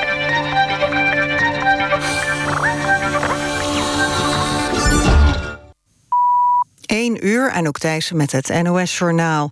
In Londen hebben duizenden mensen gedemonstreerd... tegen het mogelijke staatsbezoek van president Trump in juli aan Groot-Brittannië. De, de demonstranten vinden dat premier May afstand moet nemen... van de Amerikaanse president vanwege zijn omstreden inreisverbod en uitlatingen. Er werd ook over het bezoek gedebatteerd in het Lagerhuis. Maar de regering heeft al aangegeven dat het staatsbezoek gewoon doorgaat... ondanks de protesten en het debat. Het overleg over een nieuw leningdeel aan Griekenland wordt zo snel mogelijk hervat. Dat hebben de eurolanden afgesproken. De besprekingen liepen eind vorig jaar vast omdat de Grieken niet verder wilden bezuinigen. Eurogroepvoorzitter Dijsselbloem laat nu doorschemeren dat het misschien mogelijk is dat de Grieken minder bezuinigen en meer hervormen, zodat de Griekse economie verder kan opkrabbelen. In Australië is een vliegtuigje neergestort op een winkelcentrum vlakbij de stad Melbourne. Het vliegtuig kwam in de problemen en stortte neer op het winkelcomplex van Essendon Airport, een van de kleinere vliegvelden van de regio. Volgens Australische media gaat het om een klein toestel dat plaats bood aan vijf mensen. Hulpdiensten proberen het brandende wrak te blussen. Het is nog onduidelijk hoeveel mensen er in het toestel zaten en of er overlevenden zijn. In het Gelderse dorp Eefde, ten noorden van Zutphen... is een jongen met een verstandelijke beperking... weggelopen uit een jeugdzorginstelling. Hij zou volgens de politie rond 7 uur afgelopen avond... het terrein zijn afgelopen. Een uur later had hij medicijnen moeten innemen. De vermiste jongen is 18 jaar oud... maar zou geestelijk het vermogen hebben van een kind van vijf. Op het moment van zijn verdwijning droeg hij een licht sweatshirt en een spijkerbroek... en hij had geen jas bij zich. Het weer. Komende uren is het bewolkt met van tijd tot tijd motregen. De dag begint verder druilerig, maar smiddags is het zo goed als droog... met kans op wat zon. Het wordt dan 9 tot 11 graden. Woensdag en donderdag regent het wat harder en gaat het ook stevig waaien. Dit was het NOS Journaal. NPO Radio 1. VPRO. Nooit meer slapen.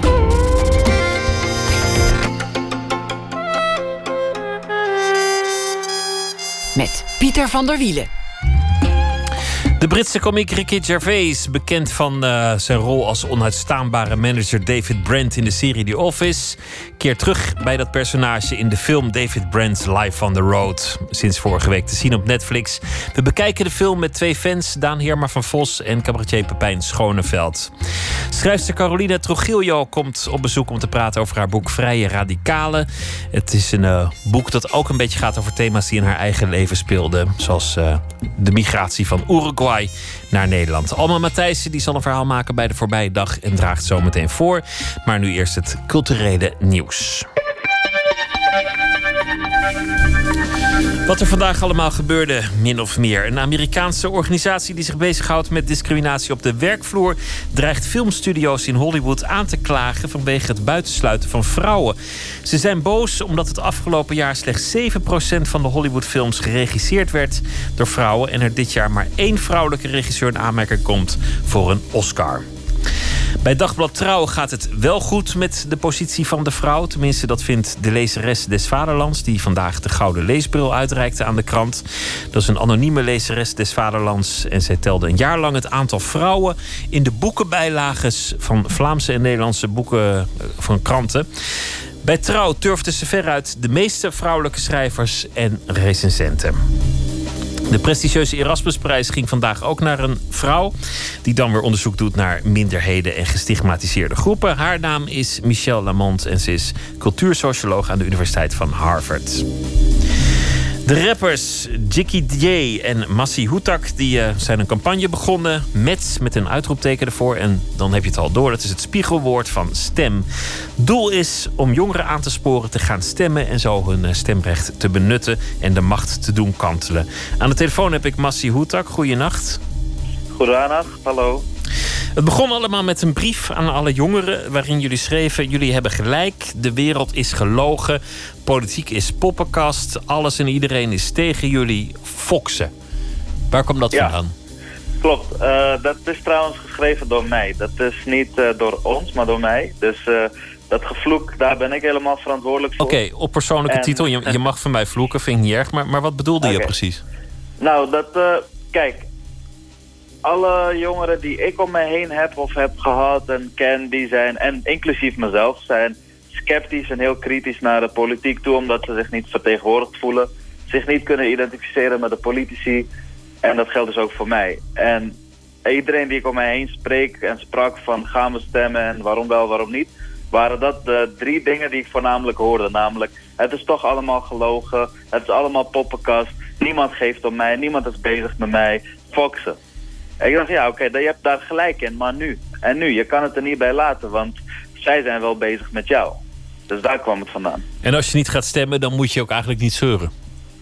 Precies, dat sowieso. En eh, dat, dat, dat houdt in dat je dan opgeeft. En dat zou nooit een optie moeten zijn, überhaupt. Je hebt verantwoordelijkheid. Voor heel veel luxe die we hebben, hebben we maar een paar verantwoordelijkheden. En de luxe zijn vrijheid en democratie. En een van de verantwoordelijkheden is stemmen, vind ik. En als je dan dat niet eens nakomt, dan mag je, vind ik, niet echt zeuren, nee. Hoe gaan jullie de jongeren weer eh, aan het stemmen krijgen? Want, want dat is het doel van, van jullie actie. Ja, klopt. Nou ja, we hebben dus, eh, zoals je hebt gezien waarschijnlijk op de website... eh, heel veel partners uit de creatieve sector... die een groot netwerk hebben en een groot bereik op sociale media vooral. Op YouTube, Facebook, Twitter, Instagram. En we gaan vooral proberen online campagne te voeren. Oude media zijn van harte welkom, zoals de radio. maar, eh, Hele eh, oude media, prima. ja, maar een hele mooie media, medium wel moet ik zeggen. Maar eh, ik ga zelf bijvoorbeeld per maart, per 1 maart, video's lanceren. Elke dag eentje waarbij ik in minder dan een minuut in zo begrijpelijk mogelijke taal uitleg... wat is democratie, waarom is dat waardevol... Wat zeggen de grootste partijen? eh, wat zijn de plannen van de grootste partij op het gebied van onderwijs, sport, werkgelegenheid, klimaat en cultuur? Onderwerpen die volgens mij alle jongeren in Nederland eh, aanspreken, ongeacht sociale klasse, bevolkingsgroep. En ik heb een afsluitend feest 14 maart, de avond voor de verkiezingen, in de Tolhuistuin in Amsterdam-Noord. Daar stopt dan mijn persoonlijke campagne. En die avond speel ik eh, voor het eerst mijn nieuwste muziek die niet eens af is in principe. En ik eh, probeer daar ook hele toffe andere acts te programmeren. En om klokslag 12 uur gaan we met z'n allen stemmen. Ik zorg voor stembussen. En je stembiljet is je entree. Ik vraag geen geld, maar je toegangsbewijs is je stembiljet. En met dit soort eh, dingen, dit soort eh, initiatieven hoop ik de, de jongeren aan te spreken daar waar de politici dat niet kunnen. Dus ik ben eigenlijk gewoon het vuile werkje van Den Haag aan het opknappen. En de mensen kunnen echt daar stemmen. Dan, dan, dan heb je ook geregeld dat daar een stemlokaal komt. Ja, ik ben daarmee bezig. Het is nog niet rond, maar ik ben heel erg lastig aan het doen tegen de gemeente Amsterdam. En ik blijf net zo lang lastig doen totdat het lukt. Nou, daar wens ik je alvast succes mee. Valt er dan ook iets te kiezen voor, voor de jongeren? Want, want er is wel een oudere partij, 50 plus. Onder Ja. de 50 ben je in Nederland de jongere. Dus er is niet een soort 50 min. Nee, er is niet de 50 min. En eh, ik sprak bijvoorbeeld gisteren vier jongens van eh, net 18 in Leiden die uitgesproken niet wilden stemmen. En een van de jongens bracht ook als argument van... eh, er is niet één politieke partij die mij volledig vertegenwoordigt. Maar dat is volgens mij ook een illusie. Ik heb ze gezegd van weet je, maak... En dat weet als hier jongeren naar luisteren of niet jongeren... als mensen die twijfelen op wat ze moeten stemmen... Ik adviseer je, weet je, maak een soort van top 3 van je idealen... En probeer zo op die manier te filteren welke politieke partij past daar het beste bij. Dat heb ik namelijk voor mezelf gedaan. En zo ben ik ook op, op een paar uitgekomen dat ik dacht, oké, ik vind die onderwerpen die ik net noemde, onderwijs, cultuur, sport, vind ik belangrijk. En er zijn gelukkig politieke partijen die dat best wel hoog hebben zitten in hun agenda. Dus, eh, en ik hoop dat het ook voor de andere jongeren in Nederland aanspreekt. Ik wens je heel veel eh, succes met het eh, feest van de democratie en de actie met Massie. Dankjewel, goeienacht. Dankjewel. Goeienacht.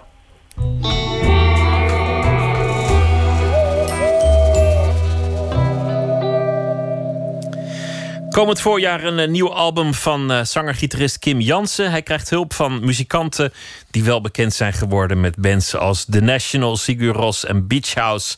En eh, een mooie voorbode van alles wat er te verwachten is, is de nieuwe single Guldians.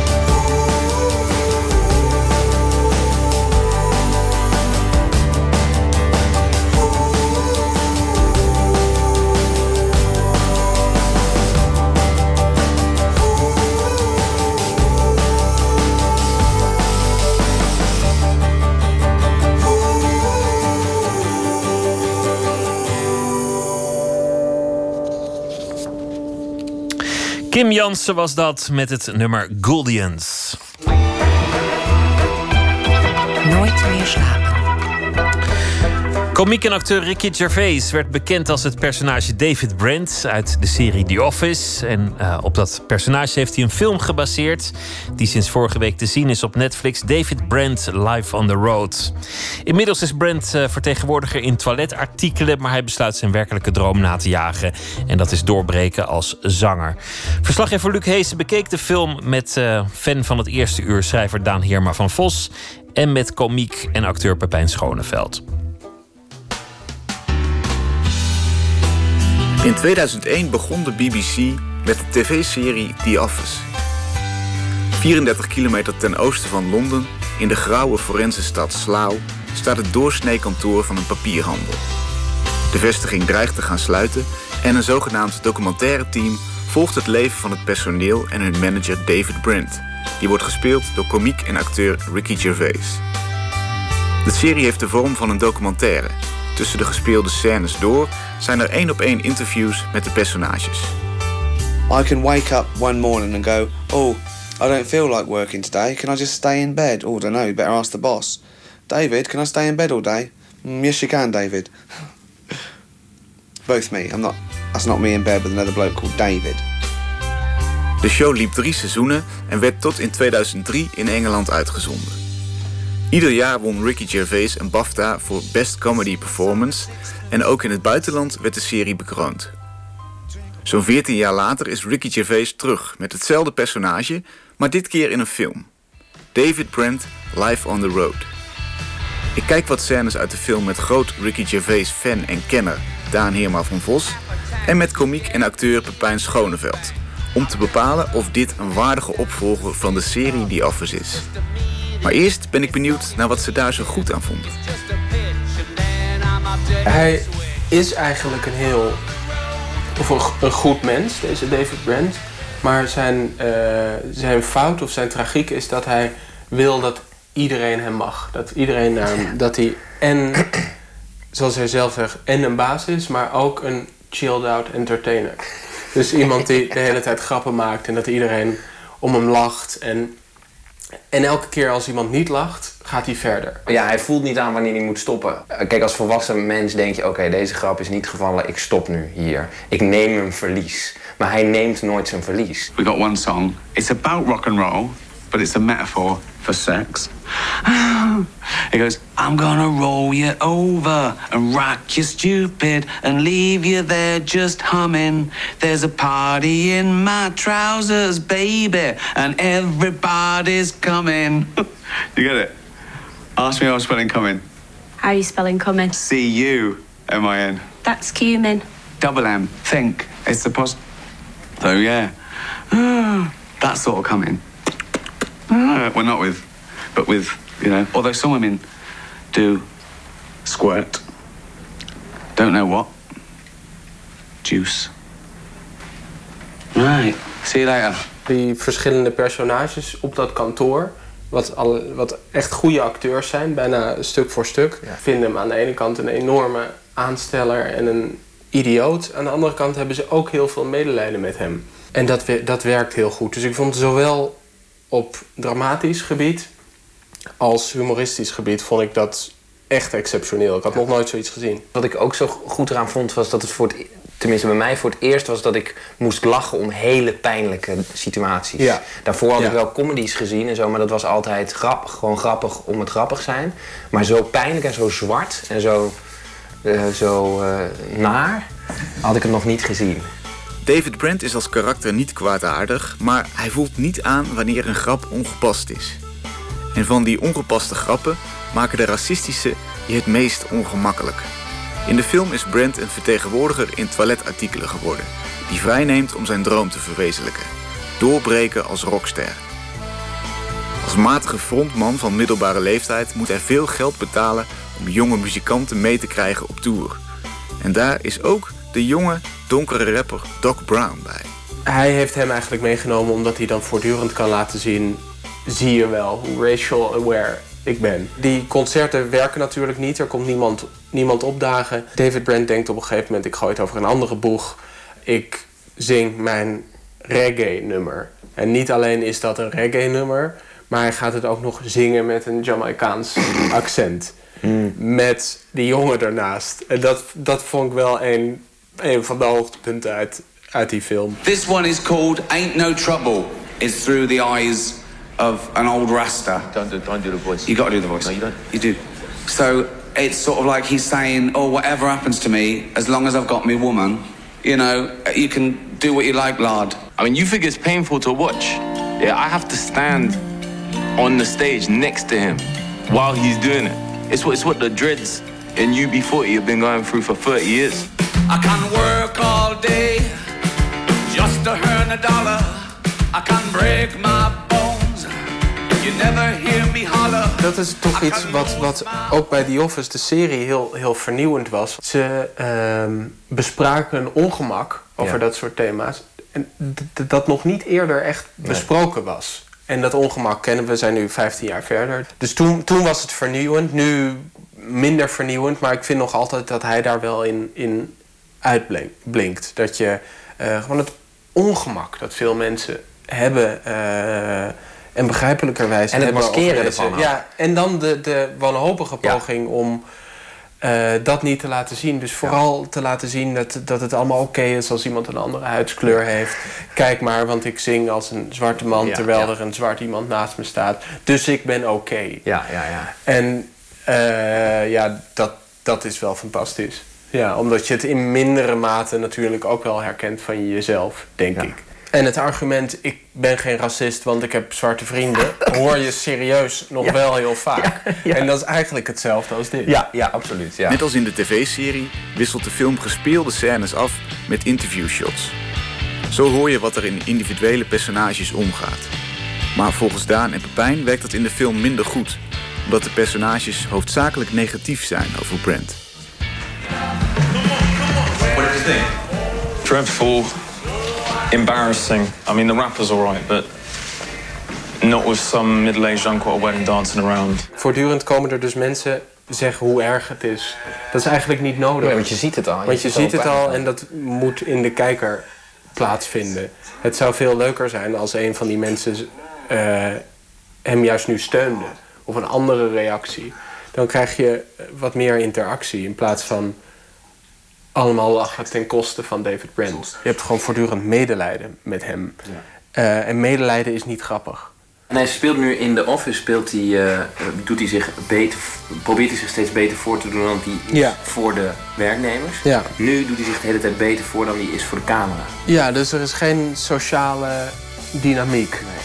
Desalniettemin vindt Pepijn Gervais een groot komisch acteur. Bijvoorbeeld in de scène waarin hij zijn bandleden zo'n beetje heeft gedwongen om na het optreden met hem nog een biertje te drinken. Zoals een rockband dat nou eenmaal doet. Hey. After show. Cheers. Cheers. God. About time England won a World Cup, isn't it? 1966. Sort it out. There's some fresh blood coming through the oh, ranks Oh, now. Though. got some good players. They need to be managed, though. Let's let's get some goals. Same again? No, I can't. No. Cheers. See you later. Yeah, no problem, mate. See you tomorrow. Lightweights. Where are you going? No, we're gonna have another one. Really? We're gonna have a laugh. Hij is de hele tijd bezig. Ook vind het leuk, vind het leuk, vind het leuk. En op het moment dat hij schakelt naar waar ga je heen, dan zie je, dat is het goede eraan. Je ziet even de paniek.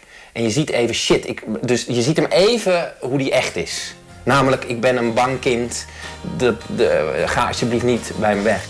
Hoewel Gervais als de ongemakkelijke Brent op zich dus een mannetje staat, is de film eromheen volgens Daan minder sterk. En dat gaat ook ten koste van Gervais' geloofwaardigheid. Als commentator, hij doet ook al die, die- de Golden Globes en zo, heeft hij nu al zo, zoveel jaar gedaan.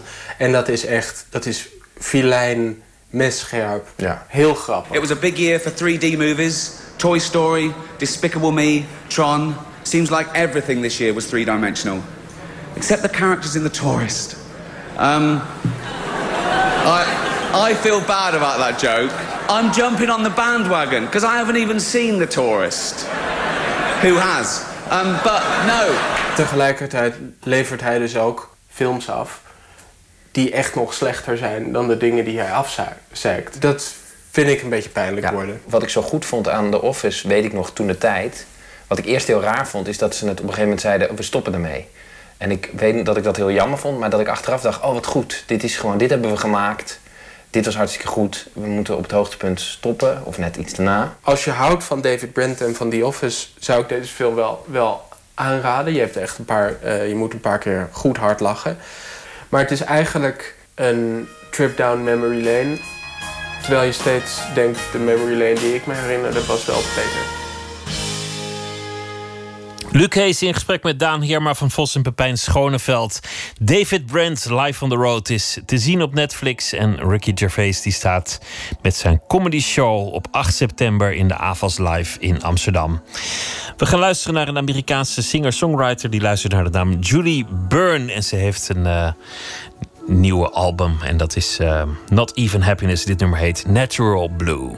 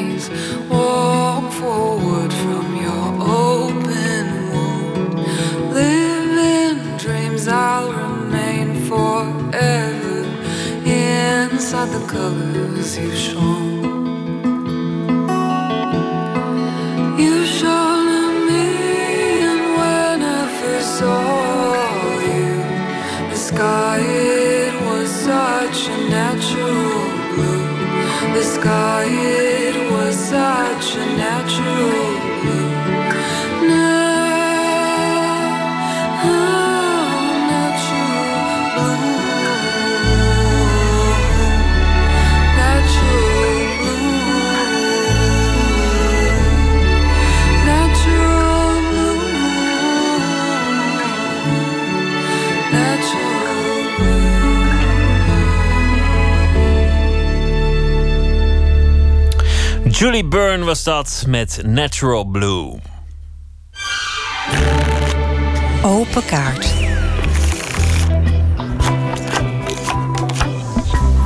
De rubriek heet Open Kaart. 150 vragen in een bak over werk en leven. En de willekeur bepaalt het gesprek, want de gast trekt zelf de vragen.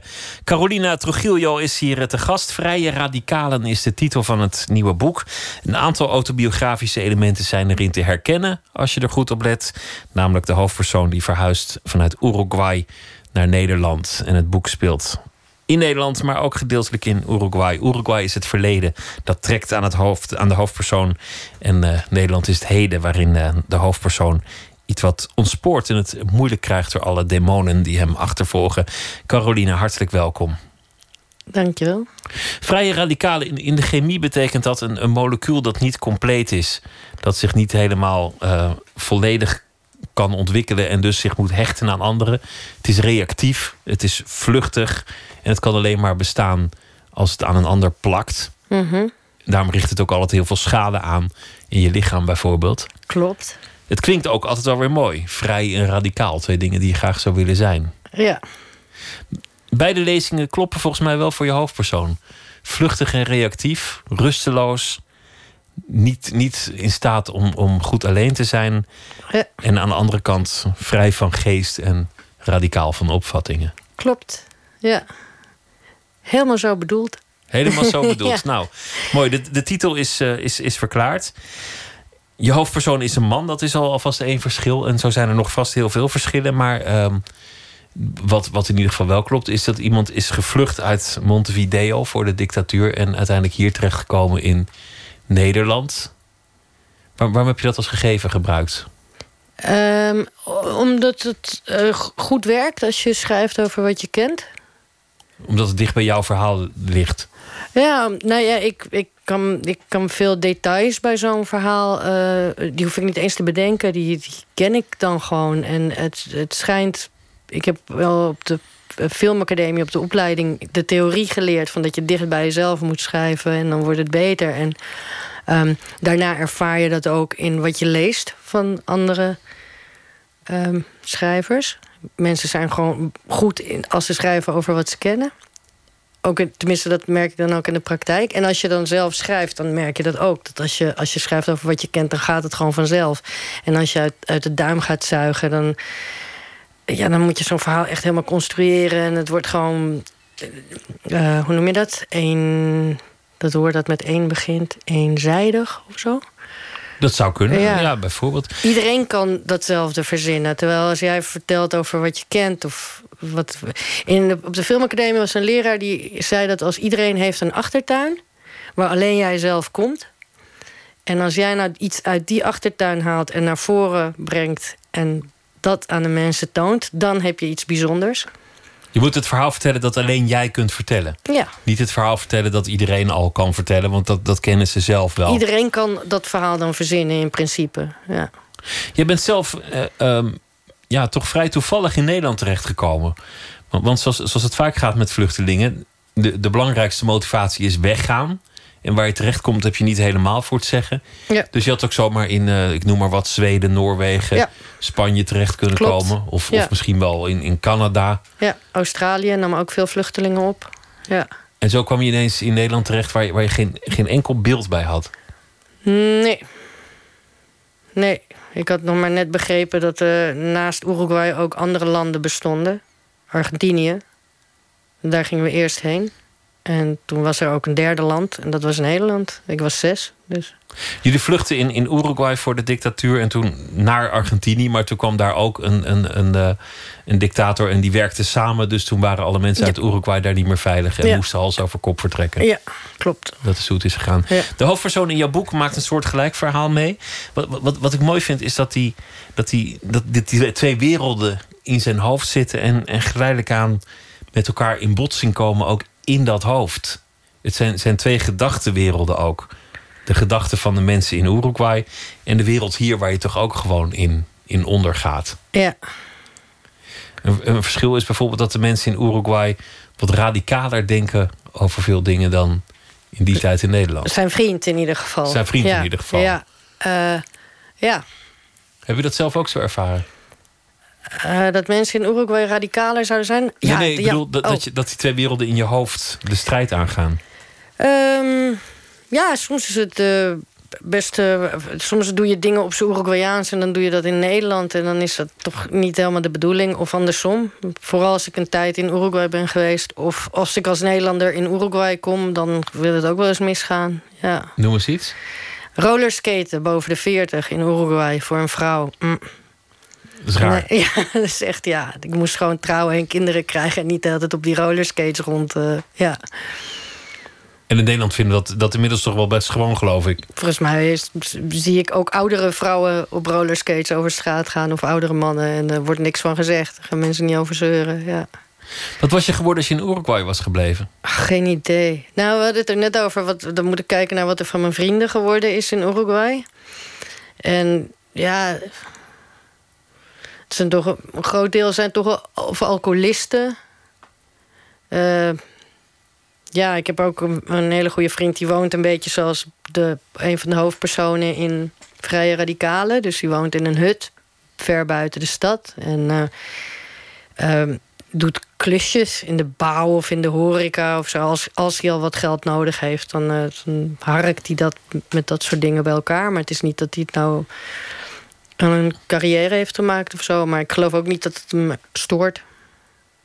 Nee. Het boek gaat over een vriendschap. Voor, Ja. voor een deel over een Ja. vriendschap met iemand die in Uruguay is gebleven. En twee, twee levens die ja, fysiek heel erg ver van elkaar verwijderd raken. Maar een vriendschap die even sterk gevoeld blijft. Ja. Door, door alle, alle tijden heen. Ja. Heb je, heb je zelf dat soort vrienden kunnen, kunnen houden in Uruguay? Ja, nou, die, die eh, man die, ehm, die in, in, ehm, in dit boek Gaston heet. Eh, ik heb wel een goede vriend in Uruguay. En als ik, soms zien we elkaar jaren niet, maar als we elkaar weer zien, dan is het gewoon mijn beste vriend. Ja, Kun je gewoon weer instappen? ja dat, ehm, ja, dat, eh, dat vergaat niet. Ja. In, in ieder boek dat je tot nu toe schreef, wordt, wordt een beetje gesnoven. En, en eh, iemand signaleerde al eerder dat, dat de hoeveelheid snuiven in het boek per boek een beetje toeneemt. Nee, dat. Nou, toeneemt. Nu in dit boek wordt veel gesnoven. Hier in dit. Maar eh, volgens mij word ik er vaak van beticht bijna. Dat er heel veel cocaïne in mijn boeken zit. En dat valt reuze mee. Want ik heb in mijn, mijn debuut zit 1 kilo. En daar wordt niet van gesnoven. En het, dat wordt door een president gebracht als geschenk. En dan zie je dus even een kilo in plastic verpakt. Dan heb ik in. ehm, welk boek heb ik daarna geschreven? Lupe Garcia. Ja. Daar wordt een gram of 40, 50 gesnoven, denk ik. En dan heb je de zangbreker, daar wordt nauwelijks in gesnoven. Een grammetje, denk ik. Ja, echt ni- bijna niks. En nou in deze wel. Wel grappig wat, wat, voor, wat voor discussie we eigenlijk hebben over hoeveel, hoeveel gram kook er in je, in je boek zit. Ja. Het, is niet echt de hoofdlijn in dit boek. Nee, maar het aparte is dat het kennelijk op een manier... Want ik heb ook nooit bijvoorbeeld dat je, me- dat je ziet... dat iemand het poedertje op het spiegeltje... en dat je dan beschrijft hoe het rietje eroverheen gaat. Dat gebeurt niet. In geen enkel boek heb ik de actie van het snuiven of zo beschreven. Wel, wel de actie van het krom liggen omdat de bolletjes niet uit je darmen willen ja, komen. maar dat is niet snuiven. Nee. Dat is niet. Maar, ehm, dus, maar kennelijk is er wel...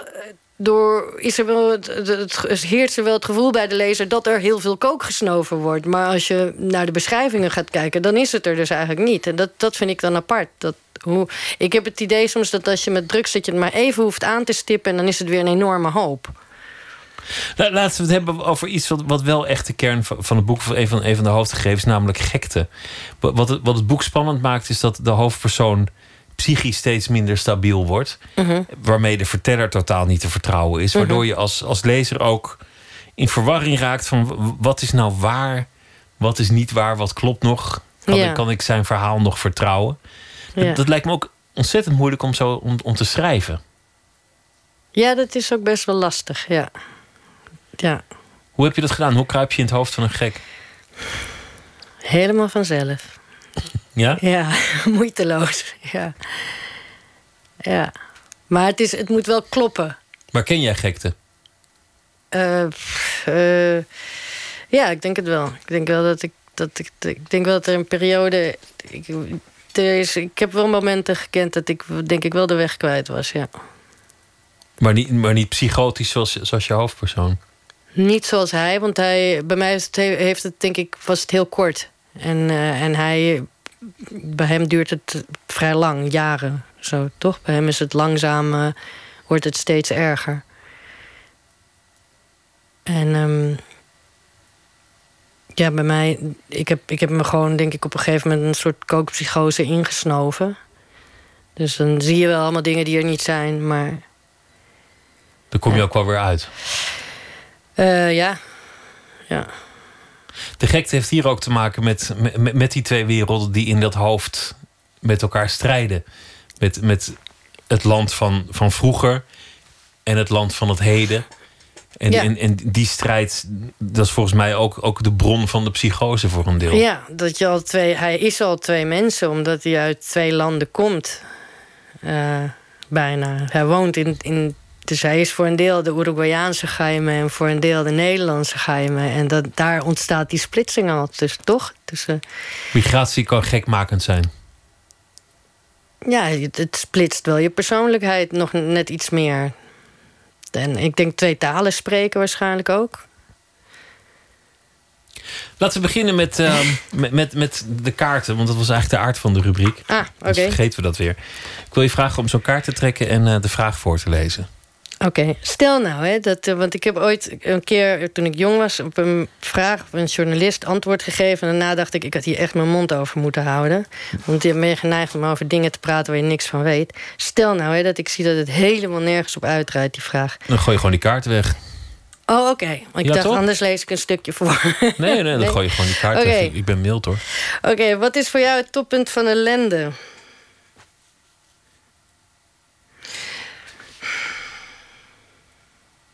Nou. Ja, twee dingen schieten me te binnen. Eén is als ik een baan zou hebben van 8 tot, tot 5. Hè, is het 9 to 5? 9 tot 5. Dat zou ik echt afschuwelijk vinden. Heb, heb ik gehad, heb ik afschuwelijk gevonden. En het andere is als mijn hond doodgaat. Dat gaat ooit gebeuren. De een heb je al gehad en de ander komt nog. Ja, misschien ga ik eerst dood. Ja, ik weet niet hoe oud je hond is, maar Ja, 13. Lijkt, nee, lijkt me niet aannemelijk. Dus die, dat lijkt mij het toppunt van ellende. Laten we het daar niet over hebben. Oké, trek Vol- nog een kaart. Volgende kaart.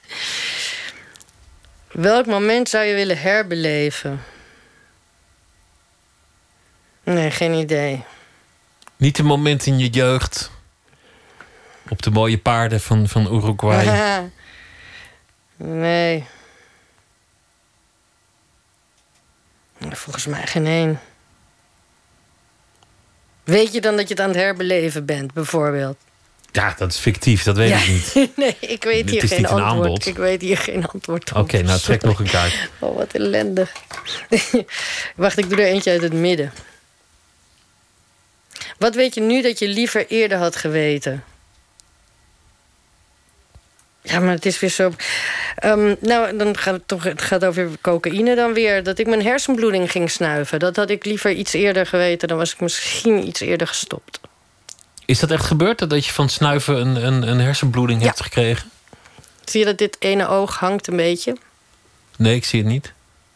Oh ja, nu zie ik het wel. Ja. Nu je ogen groot maakt, Ja. zie ik dat er eentje wat minder Ja, nou, groot de- wordt. Ja, en ik heb dus allemaal helse hoofdpijnen en zo. Misschien is dat wel allemaal daardoor gekomen. Dus misschien dat ik het nu ik weet dat dat de prijs is die ik ervoor betaald heb.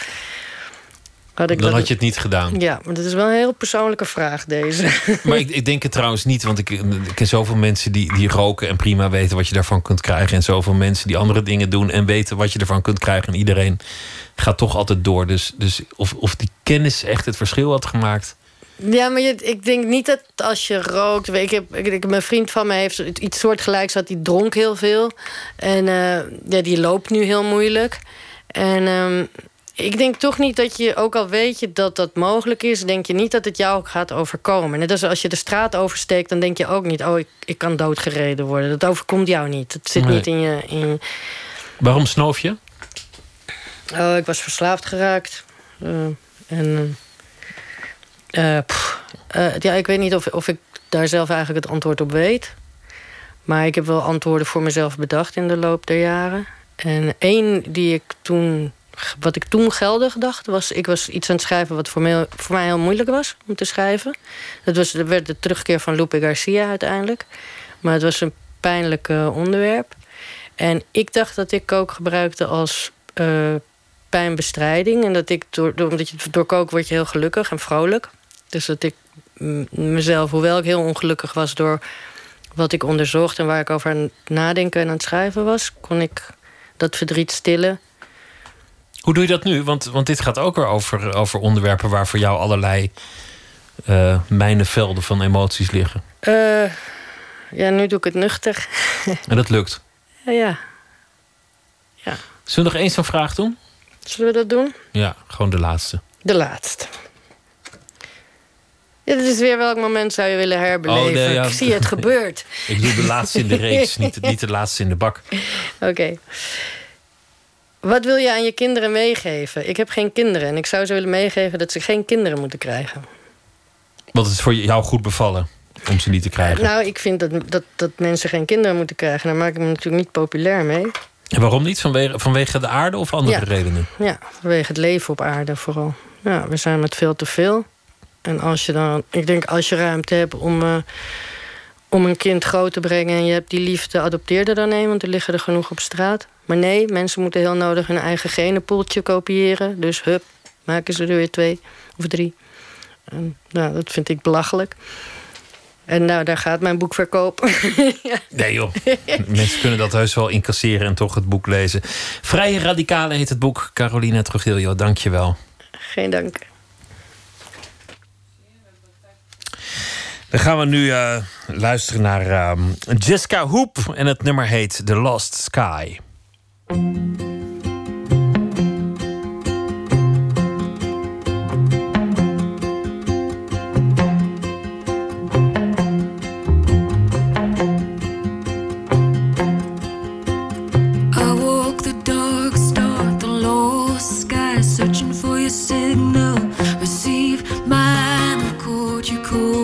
Tears became laughter. Happy ever after.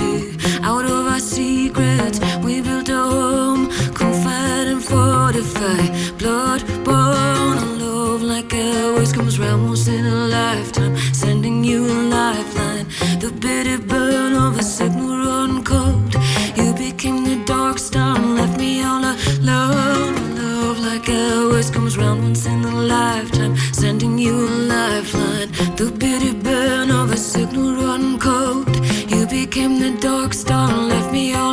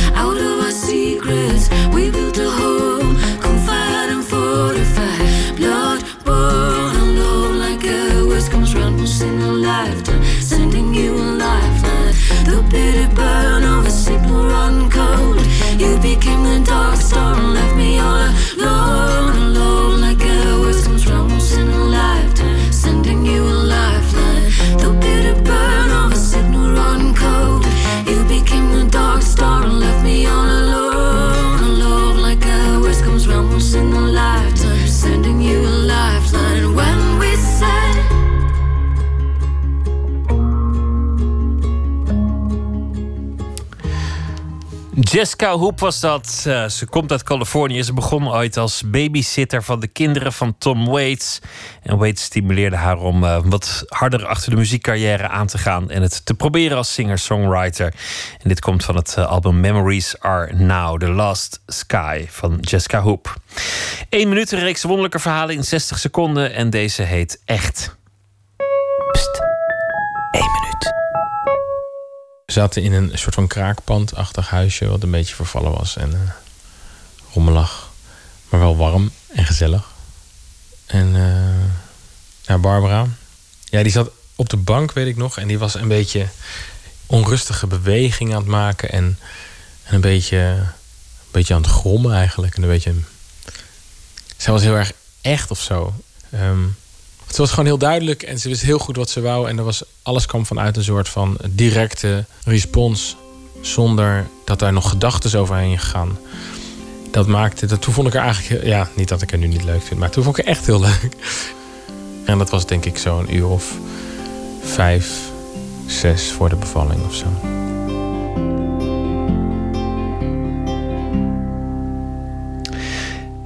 Echt gemaakt door Marije Schuurman-Hes.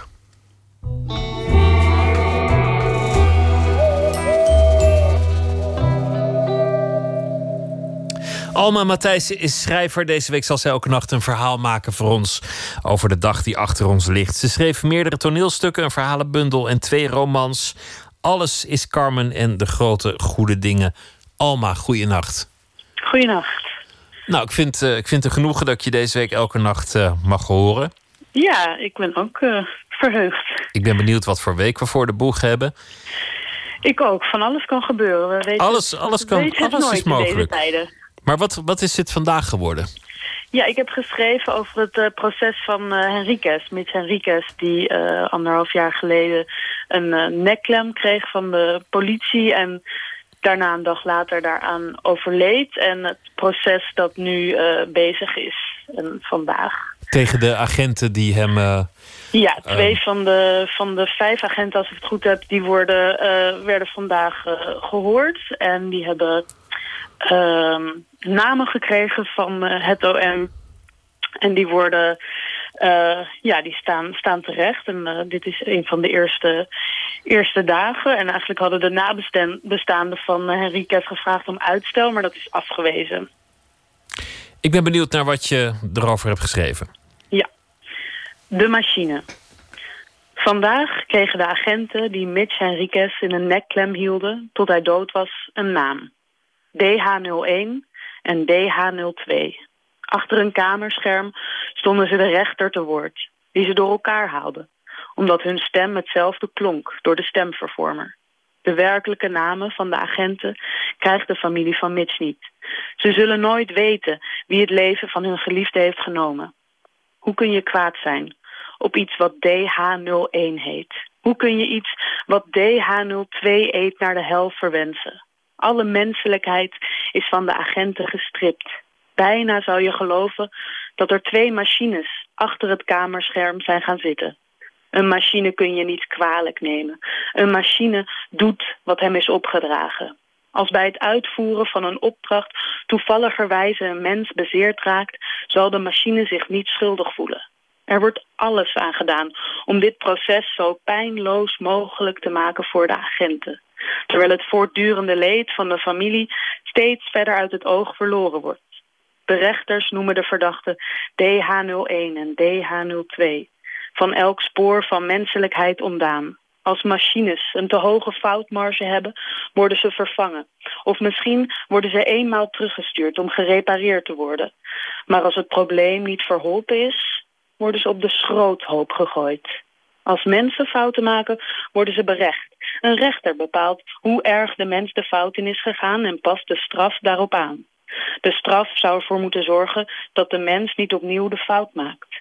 Voor machines zijn we een stuk strenger. Misschien is het een idee de bewoording te omarmen en de agenten te berechten als machines. Over het eh, proces van eh, de agenten die Mitch Henriquez arresteerden, die nooit levend het bureau be- bereikte. Die anonimiteit die, die was nodig, eh, werd gezegd, om, om, de, Ja. om de veiligheid van die agenten te garanderen. Omdat de publieke woede zo groot is geweest dat die anders niet gewaarborgd zou zijn. Ja, ze zouden bedreigd zijn. En dat is eigenlijk het enige zinnetje verklaring die ik kon terugvinden in, eh, in de media. En ik heb echt een beetje mijn best gedaan om iets, iets meer daarvan van te vinden. Ja, dat vind ik dan eigenlijk gewoon niet voldoende. Ehm, als je kijkt naar het leed wat, wat nou ja, Mitch Henriquez en zijn familie is aangedaan... dan ja, vind ik dat toch echt te weinig. Ik, ben ook, ik, ik hoop toch ook het hele verhaal te weten te komen. Ehm, Ja. Wa- waarom ze niet eerder zich hebben gerealiseerd dat, dat die nekklem dodelijk was. Waarom niet een ambulance is gebeld toen hij bewegingloos eh, was, toen, toen hij in de bus werd gelegd. Exact. En En ook ze- daar nog, daar zitten, daar, daar zitten allemaal gekke ja, dingen in de verhalen die gewoon niet kloppen. Inderdaad, dat hij al bewusteloos was voordat hij het busje in werd vervoerd. En dat het eerst werd gezegd dat dat niet zo was. Dat hij pas bewusteloos zou geworden in de bus. Dus het is heel eh, ja, vreemd gegaan. En daar, sowieso kloppen daar dingen niet in eh, hoe het in eerste instantie verteld is. En ik hoop heel erg dat dit proces... eh, daar duidelijkheid in brengt. Maar de eerste stappen die zijn gezet, die zijn niet heel hoopvol. Een andere kwestie die in de, in de krant heeft gestaan een, een paar maanden geleden al, is dat op voorhand aan die agenten was beloofd dat wat er ook zou gebeuren, geen consequenties zou hebben voor hun eh, positie Ja. binnen de politie en voor hun salariering. Ja, dat is natuurlijk belachelijk. Ja, als we zo... Ja, ik, ja, ik kan daar heel moeilijk in komen waarom je eh, politieagenten die gewoon zo overduidelijk slecht gehandeld hebben, zo zou willen beschermen. Dat, ja, hoe moet je die dan ook nog vertrouwen? Dan begrijp je ook dat Mitch Henriquez in eerste instantie deze eh, eh, politieagenten niet vertrouwde. En als dat al helemaal fout zit, ja, Maar waar we waarschijnlijk niet achter gaan komen, omdat dat, dat toch de grote speculatie was in die zomer toen het gebeurde. Mhm. Toen, toen werd er meteen aan alle kanten geroepen: dit zal wel met racisme te maken hebben. Of was het natuurlijk omdat het een, een, eh, een man met een kleurtje was. Mhm. Ik, ik acht het uitgesloten dat je, dat je daar ooit achter komt of dat een rol heeft gespeeld. Ja, ja, dat is. eh, In zekere zin denk ik, natuurlijk had het daarmee te maken. Want ehm, ehm, ja, het is, het is lastig om. Je, je zal het waarschijnlijk niet één op één kunnen uitleggen. Maar weet je wel, het, is niet een, het was wel deze man die is aangehouden en deze man bij wie het is gebeurd. En het is niet het enige voorval.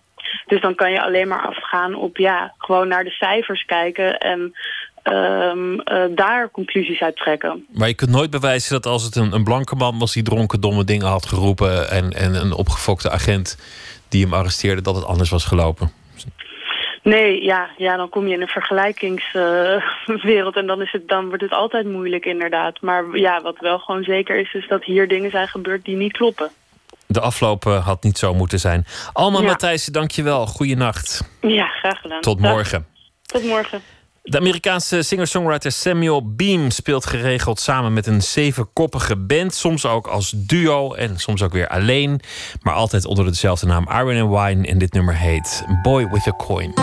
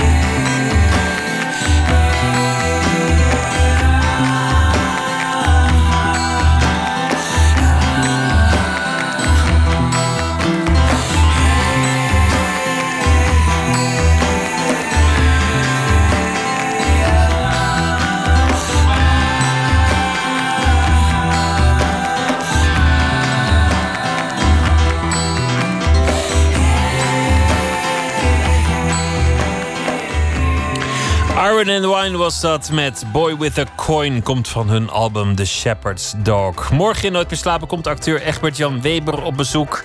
Vanwege de hoofdrol die hij speelt in de film If the Sun Explodes van Hanna van Niekerk. Voor nu wens ik u een hele goede nacht. Graag tot morgen. Op Radio 1, het nieuws van alle kanten.